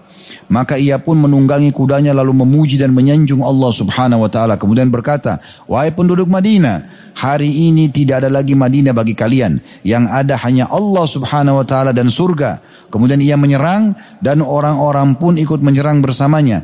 Maka kalahlah pasukan Yamama dan Al-Bara berhasil menemui Muhkim Al-Yamama. Ini panglima perang pasukan Musailama. Lalu ia menebas dan menewaskannya. Kemudian Al-Bara mengambil pedang Muhkim Al-Yamama. Lalu menebasnya lagi hingga pedang itu patah. Jadi Muhkim ini perlu kita punya gambaran. Dia adalah panglima perang Musailama yang memang dipilih. Orangnya sangat kekar, sangat terampil dalam berperang. Tinggi besar, ya luar biasa gitu. Semua tubuhnya ditutup dengan besi dan memang dianggap mungkin tidak ada yang bisa mengalahkan dengan uh, rasional manusia. Tapi di sini Khalid bin Walid lihat itu lalu mengatakan kepada Al-Bara, "Hai Al-Bara, ini tanganan, ini bagian kamu ini." Maka Al-Bara tanpa berpikir mau besar, mau kuat, mau panglima perang, gak penting bagi dia. Langsung tunggangi kudanya, bertakbir, e, memuji Allah, menyanjung Allah, kemudian memotivasi masyarakat Madinah, ayo tidak ada Madinah lagi, mati sekarang. Kemudian menyerang dan dia langsung menemui sendiri panglima perang tersebut. Dan dia tahu kelemahannya, prosesi cara perangnya itu diceritakan di riwayat yang setelahnya, dinukil dari Al-Baghawi. Jadi karena tinggi besar orang ini, maka dia tidak dan sangkan saking kuatnya Al-Bara tidak berhadapan sama dia dengan cara tangkis-tangkisan karena pasti lebih kuat. Maka Al-Bara menjengkelkan satu strategi dan ini cuma satu kali serangan saja. Begitu uh, uh, orang ini Muhkim ini lihat Al-Bara berhadapan sama dia dan dia anggap remeh karena Al-Bara orangnya bukan tinggi besar, biasa aja. Gitu kan tadi sudah dikasih gambaran oleh penulis, mungkin kalau orang lihat di kancah peperangan orang anggap remeh dia gitu. Maka akhirnya langsung mau diserang, mau ditebas sama Muhkim, Al-Bara tidak buat apa-apa, cuman nunduk saja, artinya menjatuhkan dirinya uh, apa uh, supaya dia berada di belakang al muhkim ini. Pada saat diserang dia menjatuhkan dirinya menyeret dirinya sampai ke belakang lalu dia menebas kedua kaki muhkim ini sehingga putus kakinya saking kerasnya tebasan putus dan jatuhlah dia kemudian dibunuh pakai pedangnya sendiri dan al-bara saking ingin menunjukkan kekuatan kaum muslimin dia pada saat sudah menebas dengan pedangnya kedua kaki muhkim ini sudah jatuh dia dan jatuhnya ke belakang digambarkan dalam riwayat kepalanya duluan jatuh belum mati karena baru kakinya putus Lalu Al-Bara berdiri di atasnya, kemudian meletakkan pedangnya. Karena dia tahu orang ini sudah tidak bisa buat apa-apa. Diambil pedang dari tangannya, dia membunuhnya pakai pedang yang dia miliki. Dan saking kerasnya pukulannya sampai pedang itu patah. Jadi luar biasa gitu ya bagaimana bisa digambarkan keadaan ini. Nah, itu disebutkan oleh Al-Baghawi, diriwayatkan dari Al-Bara ia berkata pada peristiwa pertempuran melawan Musailama, aku bertemu dengan seorang laki-laki yang dikenal dengan sebutan tanda kutip tanda kutip sini keledai Yamama. Ya orang Arab ini kalau bilang keledai, keledai itu kecil tapi badan, badannya kuat, bukan kecilnya, badannya kuat, tahan kalau jalan jauh, gitu kan? Dan juga orangnya tidak peduli, keledai itu tidak peduli. Ya, kita mau apa pun di sekitarnya dia tidak pernah takut, dia tetap diam aja gitu. Keledai itu beda dengan kuda, kita kaget mungkin lari kalau keledai beda gitu. Maka diberikan julukan keledai. Ia seorang laki-laki yang bertubuh besar, di tangannya terdapat pedang berwarna putih. Lalu aku menebas kedua kakinya seakan aku meleset, melewatin tadi saya gambarkan ya. Lalu terputuslah dari bawahnya, lalu tersungkur dengan bagian belakang kepalanya terlebih dahulu. Jadi dia jatuh gitu. Segera aku mengambil pedangnya, sementara pedangku aku sarungkan kembali. Jadi memang untuk menunjukkan kekuatan umat Islam di situ ya. Dan tidak laku ya membabat orang itu dengan pedangnya sendiri satu kali tebasan hingga patahlah pedang tersebut. Ini dinukil dalam uh, di situ ada putnahnya nomor 10 dalam kitab Al-Isabah karya Ibnu Hajar. Jadi satu halaman 414. Kemudian penutupan dari kisah Yamama ini adalah ada subjudul namanya kebun kematian. Jadi pada saat terbunuh ya Muhkim ini Eh, Musailamah masih berada dalam sebuah kebun kurma yang sangat besar dan pasukannya sudah terpukul mundur. Berkumpullah di sana banyak sekali pasukan yang coba membela Musailamah ini. Ditulis oleh dinukil oleh penulis ini diriwayatkan dari Ibnu Ishaq dia berkata kaum muslimin menyerbu pertahanan kaum musyrikin hingga memaksa mereka lari ke sebuah kebun. Di situlah berada musuh Allah Musailamah. Maka berkatalah Al-Bara, wahai kaum muslimin, lemparkan aku kepada mereka. Lalu ia pun diangkat hingga bila mana telah berhasil menaiki dinding, ia menerobos masuk lalu berperang dengan mereka dalam kebun tersebut. Tapi memang di sini Al-Bara sendirian dilempar masuk dalam kebun itu untuk membuka pintu gerbangnya. Hingga ia berhasil membuka pintu gerbangnya untuk kaum muslimin. Maka kaum muslimin masuk menyerang mereka dan Allah membinasakan Musailamah. Jadi sebenarnya kiprah Al-Bara di sini adalah dialah yang menjadi penyebab utama Musailamah berhasil dijangkau dan akhirnya terbunuh dan habislah fitnah nabi palsu ini. Karena kalau tidak terbunuh Musailamah maka pasti akan ada syariatnya juga Musailamah. Dan dia pura-pura jadi nabi dan pasti semuanya kedustaan karena tidak ada turun wahyu kepada dia. Nabi Muhammad SAW adalah nabi terakhir. Dalam riwayat lain disebutkan bahwa pada peristiwa perang melawan Musailamah al-Kadzab atau sang pembohong, Al-Bara memerintahkan sahabat-sahabatnya agar meletakkan meletakkannya di atas perisai Tadi saya gambarkan, jadi semua perisai dikumpul oleh beberapa orang sahabat, jadi kayak satu kesatuan, lalu Al-Bara naik ke atasnya. Kemudian mengangkatnya dengan ujung-ujung tombak mereka, lalu melemparkannya ke sebuah kebun, hingga ia menerobos masuk menghadapi mereka, menekan mereka dan berperang hingga berhasil membuka pintu kebun. Pada hari itu ia mendapatkan sembil, sebanyak 83 hingga 89 luka. Karena dia sendirian, 89 luka. Ya, bayangkan kalau kita kena silat saja sedikit, udah sakitnya luar biasa. Ini 89 sabutan pedang, tombak, tapi tidak gentar.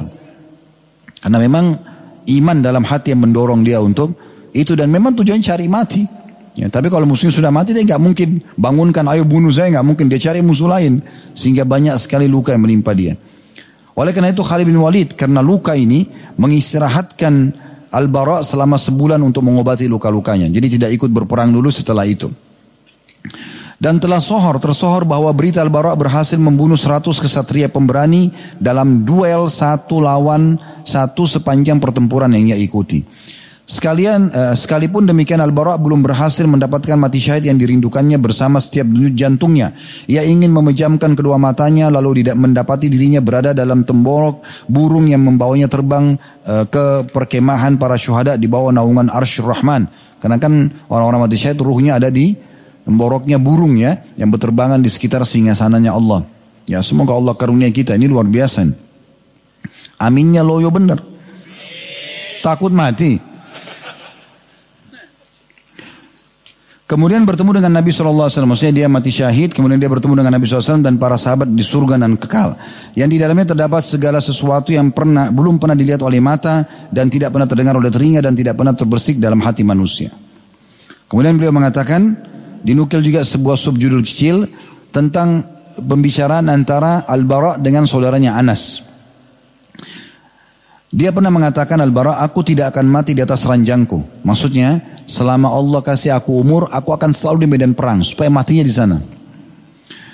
Al-Bara radhiyallahu anhu amat yakin bahwa Allah SWT akan mengadurahkan kepadanya mati syahid. Bahkan ia telah mengetahui dari Nabi SAW bahwa ia adalah orang yang doanya mustajab. Dan bahwa jika ia bersumpah dengan nama Allah, niscaya Allah akan mengabulkannya. Oleh karena itu, ia benar-benar merasa tenang. Seluruh jiwanya amat yakin akan mendapatkan rahmat Allah Subhanahu Wa Taala. Diriwayatkan dari Anas, saudara Al-Bara, bahwasanya ia menemui saudaranya Al-Bara yang sedang bersenandung, menyebutkan syair. Lalu ia berkata, engkau bersenandung, kata Anas tanya, engkau telah engkau bersenandung kata Al-Bara, apakah engkau khawatir aku mati di atas ranjangku? Sementara aku telah membunuh 99 jiwa kaum musyrikin dengan berduel satu, satu lawan satu. Belum lagi yang bersama-sama kaum muslimin yang sempat aku bunuh. Maksudnya lebih daripada jumlah itu. Dalam riwayat lain, Anas bin Malik mengatakan, wahai saudaraku, engkau bersenandung dengan syair padahal Allah SWT telah menggantikannya untukmu dengan Al-Quran. Dan riwayat yang lain juga Anas mengatakan aku menemui Al-Bara yang sedang bersenandung sambil memainkan tali busurnya. Maka aku berkata, sampai kapan ini? Kenapa kamu selalu sibuk dengan busur panah dan bersenandung? Senandungnya ini syair untuk motivasi perang gitu. Maka kata dia, demi Allah sungguh aku telah membunuh 90 uh, 90 sekian jiwa. Maksudnya di sini bukan karena ria, dia ingin bilang sama Anas bin Malik, tidak usah khawatir. Aku ini jiwaku ini mau mati. Jadi aku senandung sekarang syair ini dan sambil memperbaiki busur panahku ini bukan untuk omong kosong, tapi untuk ya memotivasi diriku. Kemudian juga aku akan mati nanti di medan perang. Jadi ini yang dinukil tentang berbicara dia sama saudaranya Anas. Ada juga subjulus ini Al-Bara menyelamatkan saudaranya Anas ibn Malik. Nah ini kita sudah mulai masuk ke kisah tentang peperangan Tustur ya. Jadi kesatria kita ini masih terus merindukan cita-cita yang tinggi yaitu mati syahid jalan Allah SWT hingga tiba saat penaklukan Tustur di negeri Persia. Jadi Yamama sudah selesai, Musailam al-Kadzab sudah terbunuh. Setelah itu ya diperangi lagi Aswad al-Unsi ini ada kisah sendiri. Kemudian setelah habis semuanya dalam satu tahun fitnah itu, satu tahun keduanya Abu Bakar mulai menyusun pasukan untuk ekspansi Islam, mengirim pasukan.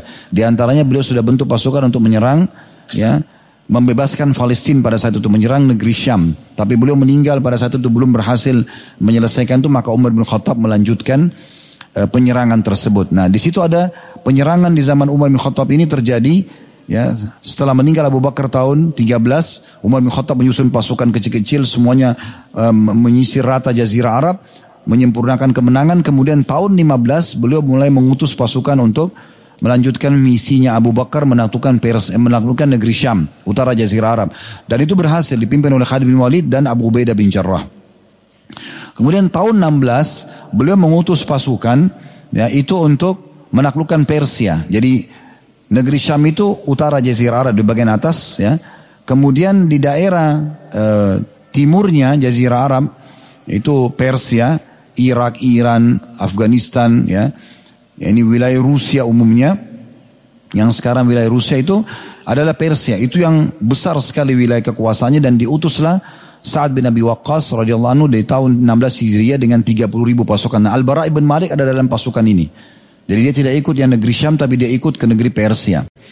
Kemudian tahun 20 Hijriah Umar bin Khattab mengutus Amr bin As yang telah memohon kepada beliau mengatakan oleh Amir Mukminin kenapa kita tidak utus pasukan ke Mesir untuk taklukkan Afrika? Maka diutuslah tahun 20 Hijriah dan berhasil Amr bin As menaklukkan dan Afrika Utara terbuka pada saat itu atau wilayah baratnya uh, Jazirah Arab. Jadi timur sudah takluk kemudian utara takluk dan juga daerah baratnya takluk tepatnya Afrika Utara. Mesir terbuka adalah Tunis Jazair Maroko. Setelah itu beberapa wilayah Afrika lainnya Nah kita sekarang sedang membahas tentang peperangan Persia. Ini ceritanya panjang sekali, ya. Tapi saya ringkaskan saja, ya.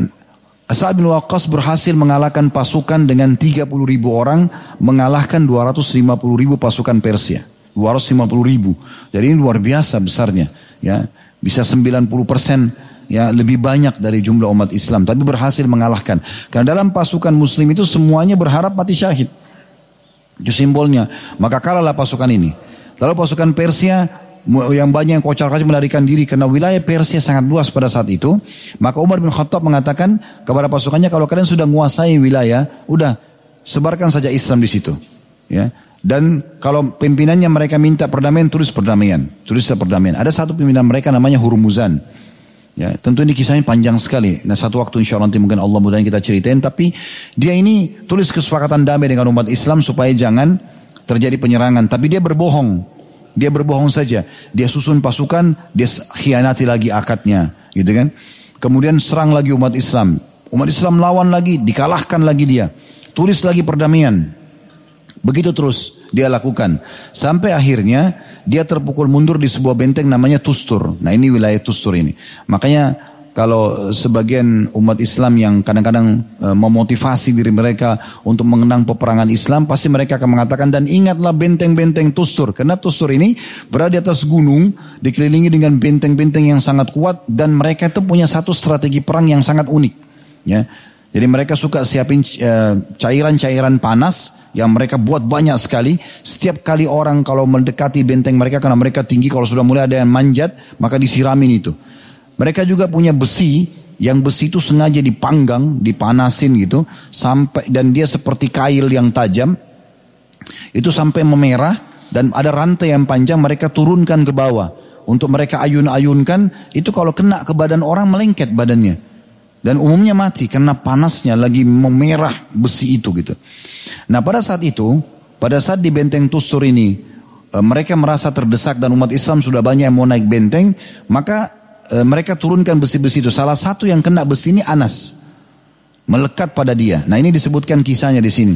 Bagaimana Al-Bara menyelamatkan saudaranya. Jadi waktu Anas bin Malik mendekat ingin naik benteng, diturunkan besi itu dan diayunkan oleh beberapa orang. Itu cukup berat. Kalau melengket di tubuh karena dia membara, maka langsung melengket, tidak bisa lepas. Ya.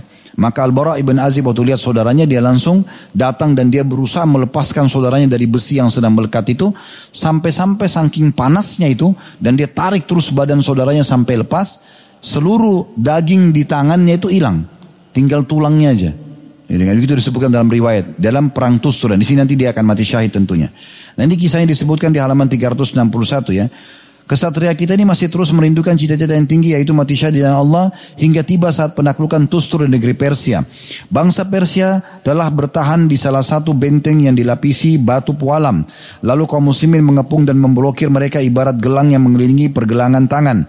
Tak kala pengepungan sudah semakin lama dan tekanan semakin berat dirasakan oleh bangsa Persia, mereka mulai mengalu, mengulurkan dari atas dinding benteng rantai-rantai besi yang digantungkan di ujungnya besi berujung bengkok atau dalam kurung seperti pancing.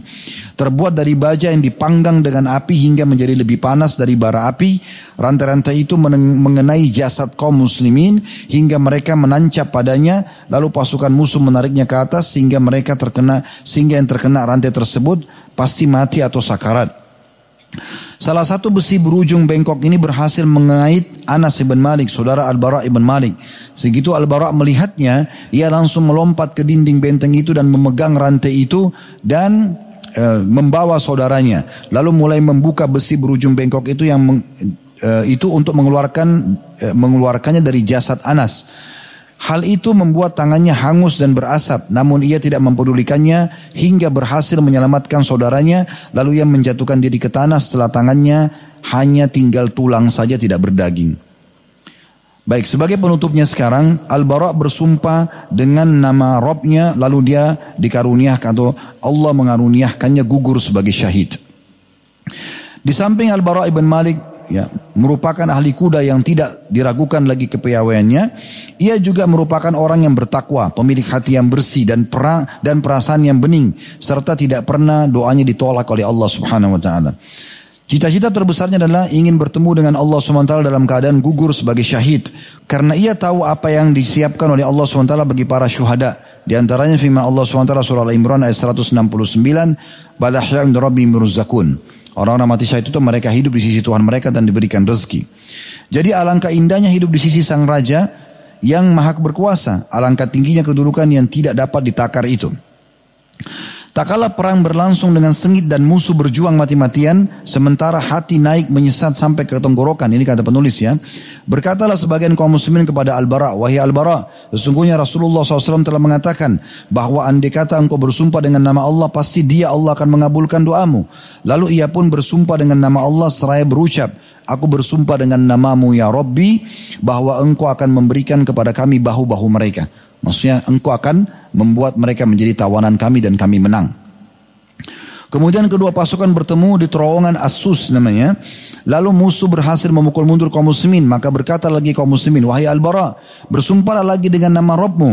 Lalu ia pun mengatakan, aku bersumpah dengan namamu ya Rabb, bahwa engkau akan memberikan kepada kami bahu-bahu mereka. Tapi di sini dia tambahkan dengan doa dia, dan mempertemukanku dengan Nabiku Muhammad wasallam, maksudnya matikan aku syahid. Maka mereka pun diberikan bahu-bahu musuh mereka dan akhirnya Al-Bara pun mati syahid. Nah ini akhir daripada kisah kaum muslimin e, mengalahkan pada saat itu terakhir kekuatan Persia dikenal dengan benteng Tustur. Sebagaimana saya katakan tadi cukup panjang ya kisahnya tentang masalah itu. Dan juga ada kisah tentang Hurmuzan ini ya pemimpin yang berkhianat ini. Setelah takluk dan terbunuh Arbara ibn Azib maka uh, Hurmuzan tertawan, benteng mereka dikuasai dan akhirnya uh, pada saat itu Hurmuzan dibawa ke Madinah. Dan terjadilah kisah panjang saya ringkaskan. Waktu itu Umar bin Khattab lagi istirahat di samping masjid ya dan dia cuma tidur uh, di atas sebuah sehelai kain atau ada kayu tongkat yang dia pakai radhiyallahu anhu. Maka sampailah pada saat itu di Madinah Eh, ditawan Hurmuzan ini karena dia berapa kali berkhianat dan akhirnya dikalahkan oleh muslimin. Pada saat itu uh, disuruh dia oleh beberapa sahabat ya di antaranya Anas bin Malik sendiri karena Al-Bara sudah wafat Anas bin Malik saudaranya berhasil masih hidup kemudian mengatakan pakailah bajumu disuruh pakai baju kebesarannya bagaimana dia di Persia dipakailah baju kebesarannya itu kemudian dihadapkan kepada Umar mereka cari-cari Umar nggak ada maka ada satu anak kecil datang mengatakan, apakah kalian cari Amir Mukminin? Kata mereka iya, kata pasukan muslim ini. Kata anak kecil ini, Amir Mukminin sedang tidur di sebelah masjid, di luar masjid, bukan di masjid, di luar masjid, dengan bersandarkan tongkat beliau gitu. Maka mendekatlah semua muslimin, tapi karena lihat Umar tidur, mereka semua diam. Hanya karena ributnya anak-anak, Umar bin Khattab tidak tahu waktu itu. Karena ributnya suara anak-anak, akhirnya Umar jadi kaget. Gitu. Maka Umar mengatakan, ada apa? Kata mereka, wahai ya wahai Rasulullah, inilah Hurmuzan, sang pengkhianat. Maka Umar tiba-tiba marah pada saat itu. Lalu mengatakan, apa yang membuatmu berkhianat sekian kali? Buat perdamaian tapi pura-pura. Gitu kan? Dia mengatakan, saya tidak akan menjawab apa-apa sampai ya saya diberikan air minum. Kata Umar, berikan dia air minum. Dan jangan bunuh dia, jangan hukum mati dia kalau dia dalam keadaan haus. Ya. Maka dikasihlah air. Lalu kemudian tangannya gemetar. Kemudian pada saat itu Umar mengatakan, ada apa denganmu? Dia mengatakan, saya takut anda bunuh saya sebelum saya minum air ini. Kata Umar, tidak. Kau aman sampai kau minum air ini. Perhatikan ya. Rupanya Hurmuzan ini tahu benar umat Islam itu akan selalu berpegang pada akad mereka. Apa yang sudah diucapkan itu pasti komitmen dipegang. Kecuali maksiat akan ditinggalkan. Waktu Umar bilang, kau akan aman sampai kau minum air ini. Maka Hurmuzan tuang air itu. Dia nggak minum. Kata Umar datangkan air lagi buat dia. Supaya dia tidak haus. Dia bilang saya tidak mau minum. Tadi saya ambil air itu hanya untuk supaya dapat jaminan saya tidak dibunuh. Kata Umar kau telah kau telah berdusta, saya akan membunuhmu. Gitu kan? Kata dia tapi anda menjamin saya tidak dibunuh sampai minum air. Air ini saya tidak minum dan tidak mungkin diambil sudah di tanah. Maka kata Umar, saya akan membunuhmu. Kata Anas bin Malik, ya Amir Mukminin. Dia benar. Ini bayangkan Anas bin Malik ini pasukan biasa muslim. Tapi dia mengatakan pada raja muslim. Yang memang dia benar. Kata Anas, eh, anda memberikan jaminan. Kata Umar, bagaimana saya bisa kasih jaminan pembunuh saudaramu Al-Bara? Al-Bara mati? Di pasukannya dia. Kata dia, anda berkata Amir Mu'minin. Bahwasanya dia engkau aman sampai kau minum air itu. Dan dia tidak minum airnya. Gitu kan? Maka kata Umar, sungguh kau telah berdusta dan berkhianat berulang-ulang kali. Maka waktu itu Umar berniat untuk suruh membunuh lalu dia syahadat asyhadu an la ilaha illallah wa anna rasulullah masuk Islam Hurmuzan gitu nah gara-gara dia masuk Islam akhirnya Umar berbalik subhanallah lihat bagaimana umat Islam bermuamalah tadi ini orang membuat emosi luar biasa gitu kan Tapi karena dia sudah masuk Islam, Umar suruh ambil uang 2000 dirham kasih ke dia. Hidup sebagai seorang muslim akhirnya. Gitu kan. Tapi ini akhir kisah daripada tadi Hurmuzan itu. Baik, sekarang teman-teman sekalian kita akan masuk insya Allah membahas tentang poin-poin garis besar tentang keutamaan tokoh kita ini ya. ya, jadi yang pertama itu manakib atau keutamaan sahabat ini beliau masuk Islam dari kecil dan tumbuh di atas keimanan. Ini kelebihan tersendiri. Kadang-kadang ada sahabat yang masuk Islam sudah tua, ya. Tapi ini masih kecil memang sudah masuk Islam dan pada saat masuk Islam pendidikannya benar. Langsung kepada keimanan yang benar apalagi di tangan ibunya yang mulia ya Ummu Sulaim atau Rumaisa radhiyallahu anha. Kemudian yang kedua, beliau menghadiri semua peperangan bersama Nabi SAW kecuali Badr. Ini juga keutamaan tersendiri. Kemudian yang ketiga, beliau menghadiri bayat Ridwan. Tadi kesepakatan janji setia untuk memerangi Quraisy kalau Utsman bin Affan tidak kembali di wilayah Hudaybiyah. Yang keempat, doanya dan sumpahnya diterima oleh Allah SWT atau mustajab doa. Yang kelima, orang yang sangat pemberani, membela kebenaran dan ahli berperang serta menunggangi kuda. Bahkan beliau berhasil membunuh 100 orang duel berdua. Itu yang kelima. Jadi zu syaja'ah, orang yang betul-betul pemberani gitu, ya. Tapi pada kebenaran ya. Yang keenam, beliau selalu merindukan mati syahid dan akhirnya dikaruniai mati syahid itu. Tapi di sini ada saya pisahkan ya. Keutamaan sendiri mengharapkan mati syahid ini keutamaan sendiri. Itu yang keenam. Nanti ada poin kesembilan dia terbunuh mati syahid. Kenapa saya pisahkan? Karena mengharapkan mati syahid sebuah ibadah sendiri. Terbunuh mati syahid itu sebuah keutamaan tersendiri. Ya. Kalau kita sekarang begini, Alhamdulillah aman, tentram, tidak ada apa-apa. Apakah boleh kita berharap mati syahid? Boleh kita berharap mati syahid. Bahkan kata Nabi SAW dalam hadis sahih, Man talaba syahadat bisidq, ballagahullah manazil syuhada wa in mata ala firash. Yang niat ingin mati syahid, tutur jujur dari hatinya, maka dia akan diberikan kedudukan orang mati syahid nanti di akhirat. Maksudnya derajat di surga, walaupun dia mati di atas ranjangnya. Berarti kan berharap mati syahid ini sebuah ibadah sendiri. Walaupun kita tidak mati syahid gitu. Ya. Kemudian itu yang keenam ya. Jadi selalu merindukan mati syahid ini keutamaan sendiri. Yang ketujuh, dia mengikut ikut dalam peperangan memerangi orang-orang murtad. Termasuk Musailamah Al-Kazzab gitu. Kemudian yang kedelapan, ikut dalam pembebasan wilayah Tustur di Persia yang merupakan benteng terakhir ya orang-orang eh, apa namanya Persia pada saat itu. Walaupun wilayah Persia masih luas waktu itu ya. Dan perlu saya tambahkan informasi, waktu uh, Hurmuzan masuk Islam tadi, maka Umar bin Khattab kumpulin sahabat-sahabat waktu itu, di antaranya Al-Ahnaf dan beberapa yang Anas bin Malik yang lainnya bertanya, kenapa masih sering terjadi pengkhianatan di wilayah Persia? Maka Ahnaf radhiyallahu mengatakan, wahai Amir Mukminin, Anda melarang kami menyempurnakan pembebasan wilayah Persia. Anda bilang kalau sudah bebasin ini ya sudah, didik Islam, nanti aja lagi baru ekspansi. Akhirnya kerajaan mereka masih ada pada saat itu. Kekuatan mereka masih ada. Kita tidak tuntaskan. Kalau kita tuntaskan dulu semua, baru kemudian kita mengajarkan mereka ya Islam itu mungkin lebih tepat. Maka Umar merenung sebentar lalu mengatakan benar. Setelah itu seluruh pasukan uh, pasukan umat Islam disuruh me, me, me, menyeluruh yang menyebar di seluruh wilayah Persia untuk menaklukkan. Nah ini kisah terakhirnya masalah itu. Kemudian yang kesembilan terakhir dia terbunuh mati syahid. Dia terbunuh mati syahid radhiyallahu anhu. Baik, kita sekarang masuk ke penutupan bahasan kita dan ini yang selalu menjadi hal yang terpenting yang kita harus pelajari yaitu ad-durus wal ibar, pelajaran-pelajaran yang bisa kita ambil. Yang pertama, tentang pentingnya ya mempelajari Islam dan memasukkan keimanan kepada anak-anak dari masa kecil, ya, dari masa kecil. Ini penting sekali. Makanya saya bilang kan, biasakan hiburannya anak-anak itu adalah pengajian, ya. Biasakan selalu membacakan kepada mereka kisah para sahabat, kisah para nabi-nabi mulai kemudian kisah para sahabat, kisah sahabiat, ya. Dan selalu kalau larang sesuatu bahasakan Allah yang larang, Rasulullah SAW larang. Jadi mereka itu bukan takut sama kita tapi takut kepada Allah SWT dan memang itu harus ditanamkan dari kecil. Ya. Begitulah para sahabiat Nabi itu yang mulia mereka mendidik anak-anak mereka. Saya pernah ceritakan kemarin kan bagaimana waktu di hari Rabu kita sempat singgung tentang bagaimana Zubair bin Awam ter, ter, terdidik di tangan seorang wanita mulia, Sofia binti Abdul Muttalib. Tante Nabi SAW ini, gitu kan. Uh, Zubair sepupunya, Sofia adalah tante Nabi SAW. Itu setiap hari bawa anaknya di tempat gelap. Kemudian di, kalau nangis dibiarin. Orang-orang mengatakan, kenapa anda begitu keras dengan anda anda? Dia bilang, biar dia jadi pemberani. Ternyata betul. Zubair tumbuh besar. Zubair itu kalau mau berperang, di, tengah, di depan paling depan pasukan. Begitu takbir paling pertama dia serang musuh.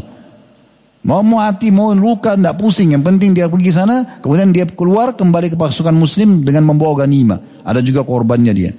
Ya, dan itu luar biasa, karena dilatih keberanian. Nah ini pendidikan Islam dari kecil mesti ditanamkan. Nah ini pelajaran pertama. Ada ayat surah At-Tahrim dalam penjelasan poin ini. Surah nomor 66 ayat 6 yang sudah masyhur. Ya ayyuhalladzina amanu ku anfusakum wa ahlikum nara. Al-ayat artinya, hai orang beriman selamatkan diri kalian dan keluarga kalian dari api neraka. Ibnu Katsir berkata dalam tafsir Quran Al-Azim beliau, Beritahukanlah adab agama dan ajarkan keluargamu sejak dini. Sejak kecil. Biasakan pakai busana muslim dan muslimah dari kecil. Biasakan pergi ke masjid dari kecil. Biasakan sudah tahu hukum halal haram dari kecil. Bukan karena mereka belum balik, oh belum wajib. Enggak, sampaikan dari sekarang. Supaya mereka pada saat balik nanti sudah tahu dan sudah siap. Gitu. Dan Nabi SAW mengingatkan dalam hadis yang masyhur riwayat Bukhari Muslim, "Muru auladakum bis salah wa hum abna'u sab'i sinin." Perintahkan anak kalian salat di umur tujuh tahun. Wadribuhum 'alaiha wa hum abna'u ashri sinin. Dan pukul mereka kalau tidak mau salat di umur sepuluh tahun. Wa farriqu bainahum fil madaji' dan pisahkan mereka dari ranjang. Maaf ini hadis riwayat Abu Daud ya, bukan Bukhari Muslim tapi Abu Daud. Jadi di sini kalau sudah 10 tahun pun harus dipisah ranjangnya, ya supaya mereka sendiri tidak terjadi pelencengan atau kesalahan ini pelecehan seksual misalnya. Kemudian dalam hadis Bukhari Muslim juga kata Nabi SAW waktu duduk sama anak istrinya. Salah satu istri Nabi namanya Ummu Salamah. Karena anaknya namanya Salamah. Nah Salamah ini tinggal di rumah Nabi SAW. Karena kan Nabi nikah sama ibunya, anaknya ikut. Maka Nabi SAW pernah makan sambil mengatakan, Ya gulam, samillah. Waktu dihidangkan makan, Nabi SAW ajarkan dari kecil. Wahai anak kecil, baca bismillah. Wakul biyaminik makan dengan tangan kananmu, wakul mimma yalik dan makan apa yang ada di hadapanmu. Sudah diajarin adab-adab dari kecil tentang masalah itu. Para sahabat Nabi Ridwanullah alaih mengajarkan dan membiasakan anak mereka misalnya contoh puasa Ramadan sebulan penuh.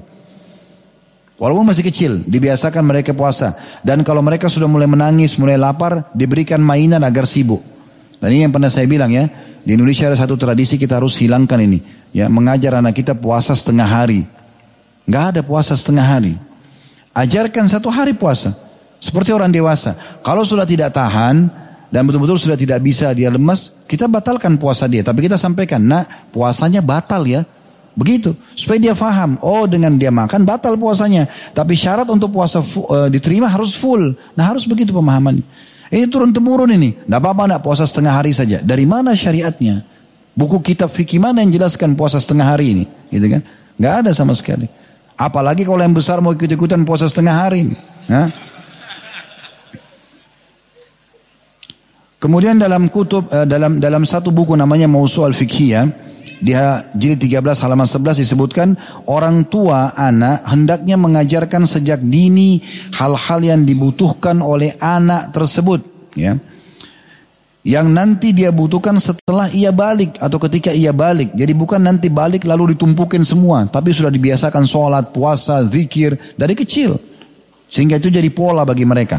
Hendaklah anak sudah diajarkan akidah yang benar mengenai iman kepada Allah, malaikat, Al-Quran, Rasul, dan hari akhir. Semua jenis ibadah dipandukan dengan benar dari sholat, tohara, puasa, dan lain-lainnya. Al Hasan Basri rahimahullah berkata, "Laisa syai'un aqarru li 'ainil mu'min min an yara zaujatahu wa auladahu muti'ina lillahi azza wajalla." Ketahuilah tidak ada sesuatu yang lebih menyejukkan mati, mata seorang mukmin dibandingkan dia melihat istri dan keturunannya taat kepada Allah azza wajalla. Itu kebahagiaan yang tidak tertara, yang tidak tidak ternilai. Kalau kita lihat istri kita lagi sujud, lagi sholat, kemudian anak-anak juga begitu. Kalau sholat mereka semangat, gitu kan? Biasakan dari kecil. Anak-anak saya dari kecil udah bawa gitu ke masjid. Walaupun mereka mungkin mungkin kadang-kadang masih ngomong di sana atau mungkin sholatnya masih telat ya. Tapi mereka biasa ikut di masjid. Walaupun kadang-kadang satu motor saya sampai beberapa anak-anak ikut, nggak masalah. Ikut saja semua. Kalau memang harus pakai motor gitu. Karena kami jalan kaki juga dekat rumah. Tapi kita biasakan. Jadi mereka sudah tahu. Kalau ada orang miskin lewat sedekah, kalau perlu kasih mereka yang taruh di tangannya orang-orang miskin itu. Jadi mereka tuh kadang-kadang ingatin saya di mobil, Ustaz, abati itu ada orang miskin misalnya. Mereka ingatkan itu. Karena mereka sudah terbiasa, mereka sudah tahu itu sedekah. Mereka kalau lihat kotak amal di masjid pasti minta uang untuk taruh di kotak amal gitu. Itu sudah terbiasa. Jadi dari kecil sudah terbiasa itu. Ini dinukil dari kitab Zadul Masir, Tafsir Furqan, Surah Furqan, surah nomor 25 ayat 74 ya. Nabi SAW mengizinkan Rafi ibn Khadij umurnya 13 tahun waktu itu. Di perang ya Uhud untuk ikut berperang. Karena ahli memanah ini saya singgung kemarin ya. Waktu dari Rabu saya ingatkan kembali. 13 tahun sudah mahir memanah. Dan kemahiran itu bukan cuma sekedar bisa me, me, melepaskan anak panah ya. Tapi memang tepat sasaran. Karena dipakai berperang. Untuk membunuh gitu ya. Tujuannya memang itu. Maka karena keterampilan perangnya waktu Abdullah bin Umar, Usama bin Zaid dan yang lain ditolak oleh Nabi SAW karena masih kecil. Rafiq bilang, ya Rasulullah saya mahir memanah. Kenapa anda larang saya ikut? Coba tes. Dites ternyata betul. Panahannya tepat sasaran dan seperti orang dewasa. Diizinkan ikut gitu kan. Namun pada saat itu ada satu sahabat Nabi yang lain namanya Samura bin Jundub radhiyallahu anhu. 13 tahun juga. Tapi dia ahli gulat.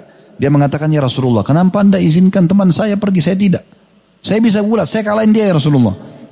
Maka Nabi SAW suruh gulat, betul Samura menang. Samura juga ikut berperang. 13 tahun semangat mau perang. Antum sudah 30-40 tahun, begitu dengar jihad di bawah kolom. Sembunyi ketakutan. Eh ini gerimis aja nggak mau ke masjid. Gimana caranya? Hah?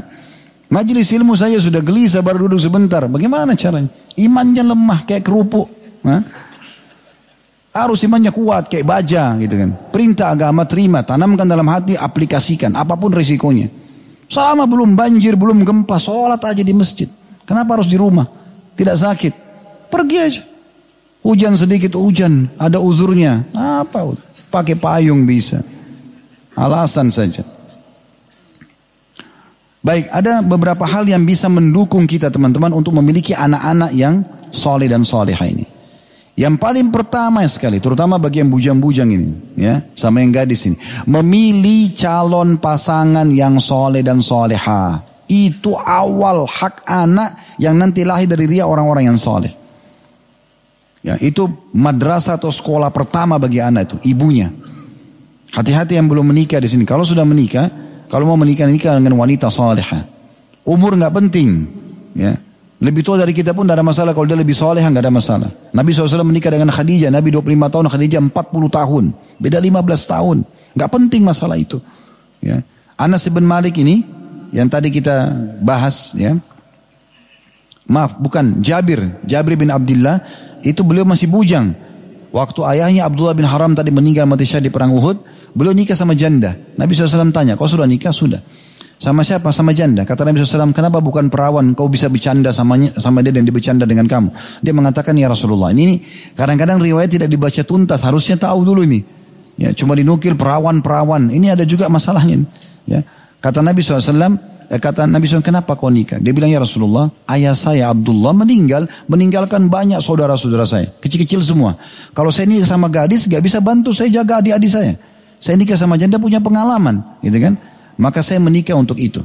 Maka Nabi SAW juga tidak menyalahkan Jabir pada saat itu. Ya. Ini bukan pembelaan terhadap janda ya. Karena orang kalau mau disuruh janda sama gadis dan dia tidak ada masalah seperti Jabir untuk bantu jaga adik-adik kecil, tidak apa-apa dia dahulukan yang gadis tentunya. Gitu kan? Tapi Nabi SAW contohkan seperti itu.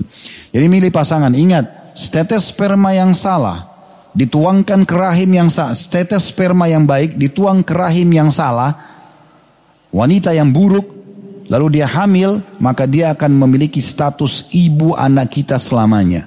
Sampai di akhirat. Plus lagi pendidikan yang dia tanamkan. Buruk tentunya. Begitu juga akhwat kita. Pilih sembarangan laki-laki hanya tampan, hanya karena kayanya. Padahal Nabi SAW sudah bilang agamanya. Kan gitu. Maka status sperma laki-laki itu masuk rahim anda dan anda hamil, maka laki-laki buruk itu akan menjadi status ayah anak kita selamanya. Oleh itu hati-hati. Ini penting sekali. Yang kedua pendapatan halal agar anak-anak bisa tumbuh besar. Bagaimana anda berharap anak anda hafal Quran, anak soleh dan soleha sementara yang dimasukkan uang riba, uang manipulasi data, segala macam uang curian, nggak mungkin itu. Yang ketiga selalu berdoa. mendoakan kebaikan. Ya kata Nabi SAW hati-hati jangan ucapkan kalimat buruk, doa buruk untuk diri kalian, keluarga kalian dan harta kalian yang bisa saja malaikat lewat mengaminkan lalu terjadilah. Selalu katakan yang baik. Ya. Kemudian yang keempat, berikan haknya pada saat baru lahir yaitu akikahnya. Ya. Pilihkan nama-nama yang baik. Jangan cuma main ciplak nama orang gitu ya. Karena ada satu pemimpin terkenal dipakai namanya. Enggak, kita cari pembimbing. Kalau mungkin kita mau pakai, contohnya Nabi SAW, para nabi-nabi, para sahabat Nabi, banyak nama-nama yang bagus. Kita bisa pakai nama-nama itu. Ini tentu semua punya dalil ya, tapi kalau kita ingin jenisnya satu persatu ini banyak sekali dalilnya dan mungkin tidak cukup waktu kita karena masih banyak yang harus kita jelaskan. Ini garis-garis besarnya. Kemudian yang kelima adalah pendidikan non formal ataupun formal yang baik, yang islami, ya, yang islami. Kalau anda punya pembantu rumah tangga di rumah sampaikan ya tentang masalah pendidikan anak harus begini dan begitu ya yang lebih islami kita sampaikan jangan dibiarkan dia mendidik anak kita dengan hal yang salah misalnya. Begitu nanti pada saat formal masuk ke ya mana gitu ya misalnya dia masuk ke sekolah carikan pesantren carikan sekolah Islam yang benar-benar bagus gitu ya. Kemudian selanjutnya yang keenam mengatur segala sesuatu untuk anak ini tidak kalah penting. Makanan, minuman, pakaian, fasilitas rumah, eh, sekolah, pergaulan, sampai nanti puncaknya kalau perlu pernikahan. Anak kita tidak paham apa-apa, kita yang paham. Ya, jadi jangan tanya pendapat anak yang belum paham, tidak perlu. Diskusi sama orang yang sepadan dengan kita, bukan anak yang diajak diskusi. Kecuali dia sudah dewasa, udah 17 tahun ke atas, sudah dewasa 20 tahun yang sudah mulai berakal, udah tahu membedakan, itu lain. Bahkan Ali bin Abi Thalib mengatakan, ya itu diajak diskusi itu di umur 14 sampai ya 21 tahun. Itu harus sudah besar gitu baru diajak dewasa. Ya jangan jangan 3 tahun, 4 tahun mau makan apa nak, 7 tahun tidak usah. Kasih pakaiannya, atur sekolahnya dan segala macam kita yang aturkan. Ya. Itu yang keenam, yang ketujuh Orang tua juga harus memiliki sifat kasih sayang, perhatian, ya, yang ekstra kepada anak-anak dalam mendidik dan juga boleh tegas tapi tidak boleh keras. Boleh tegas, ini nggak boleh nak, ini tidak boleh, ini dilarang, tapi nggak boleh keras, ya. Kemudian yang kedelapan menjaga ketakwaan pada Allah, ya. Artinya si orang tua ini sendiri menjaga ibadahnya kepada Allah itu akan berefek pada anak-anaknya. Sebagaimana Said bin Musayyib rahimahullah berkata, Beliau mengatakan la azidanna fi salati min ajlik. Saya akan memperbanyak solatku ya dan menjaga kehusuannya demi untuk kamu hai anakku. Dan ternyata ketakwaan kita bisa terwariskan ya. Kemudian selanjutnya yang kesembilan menjadikan anak sebagai amal jariah kita. Artinya ada banyak orang sibuk mengajarkan orang lain tapi dia lupa pada anaknya sendiri.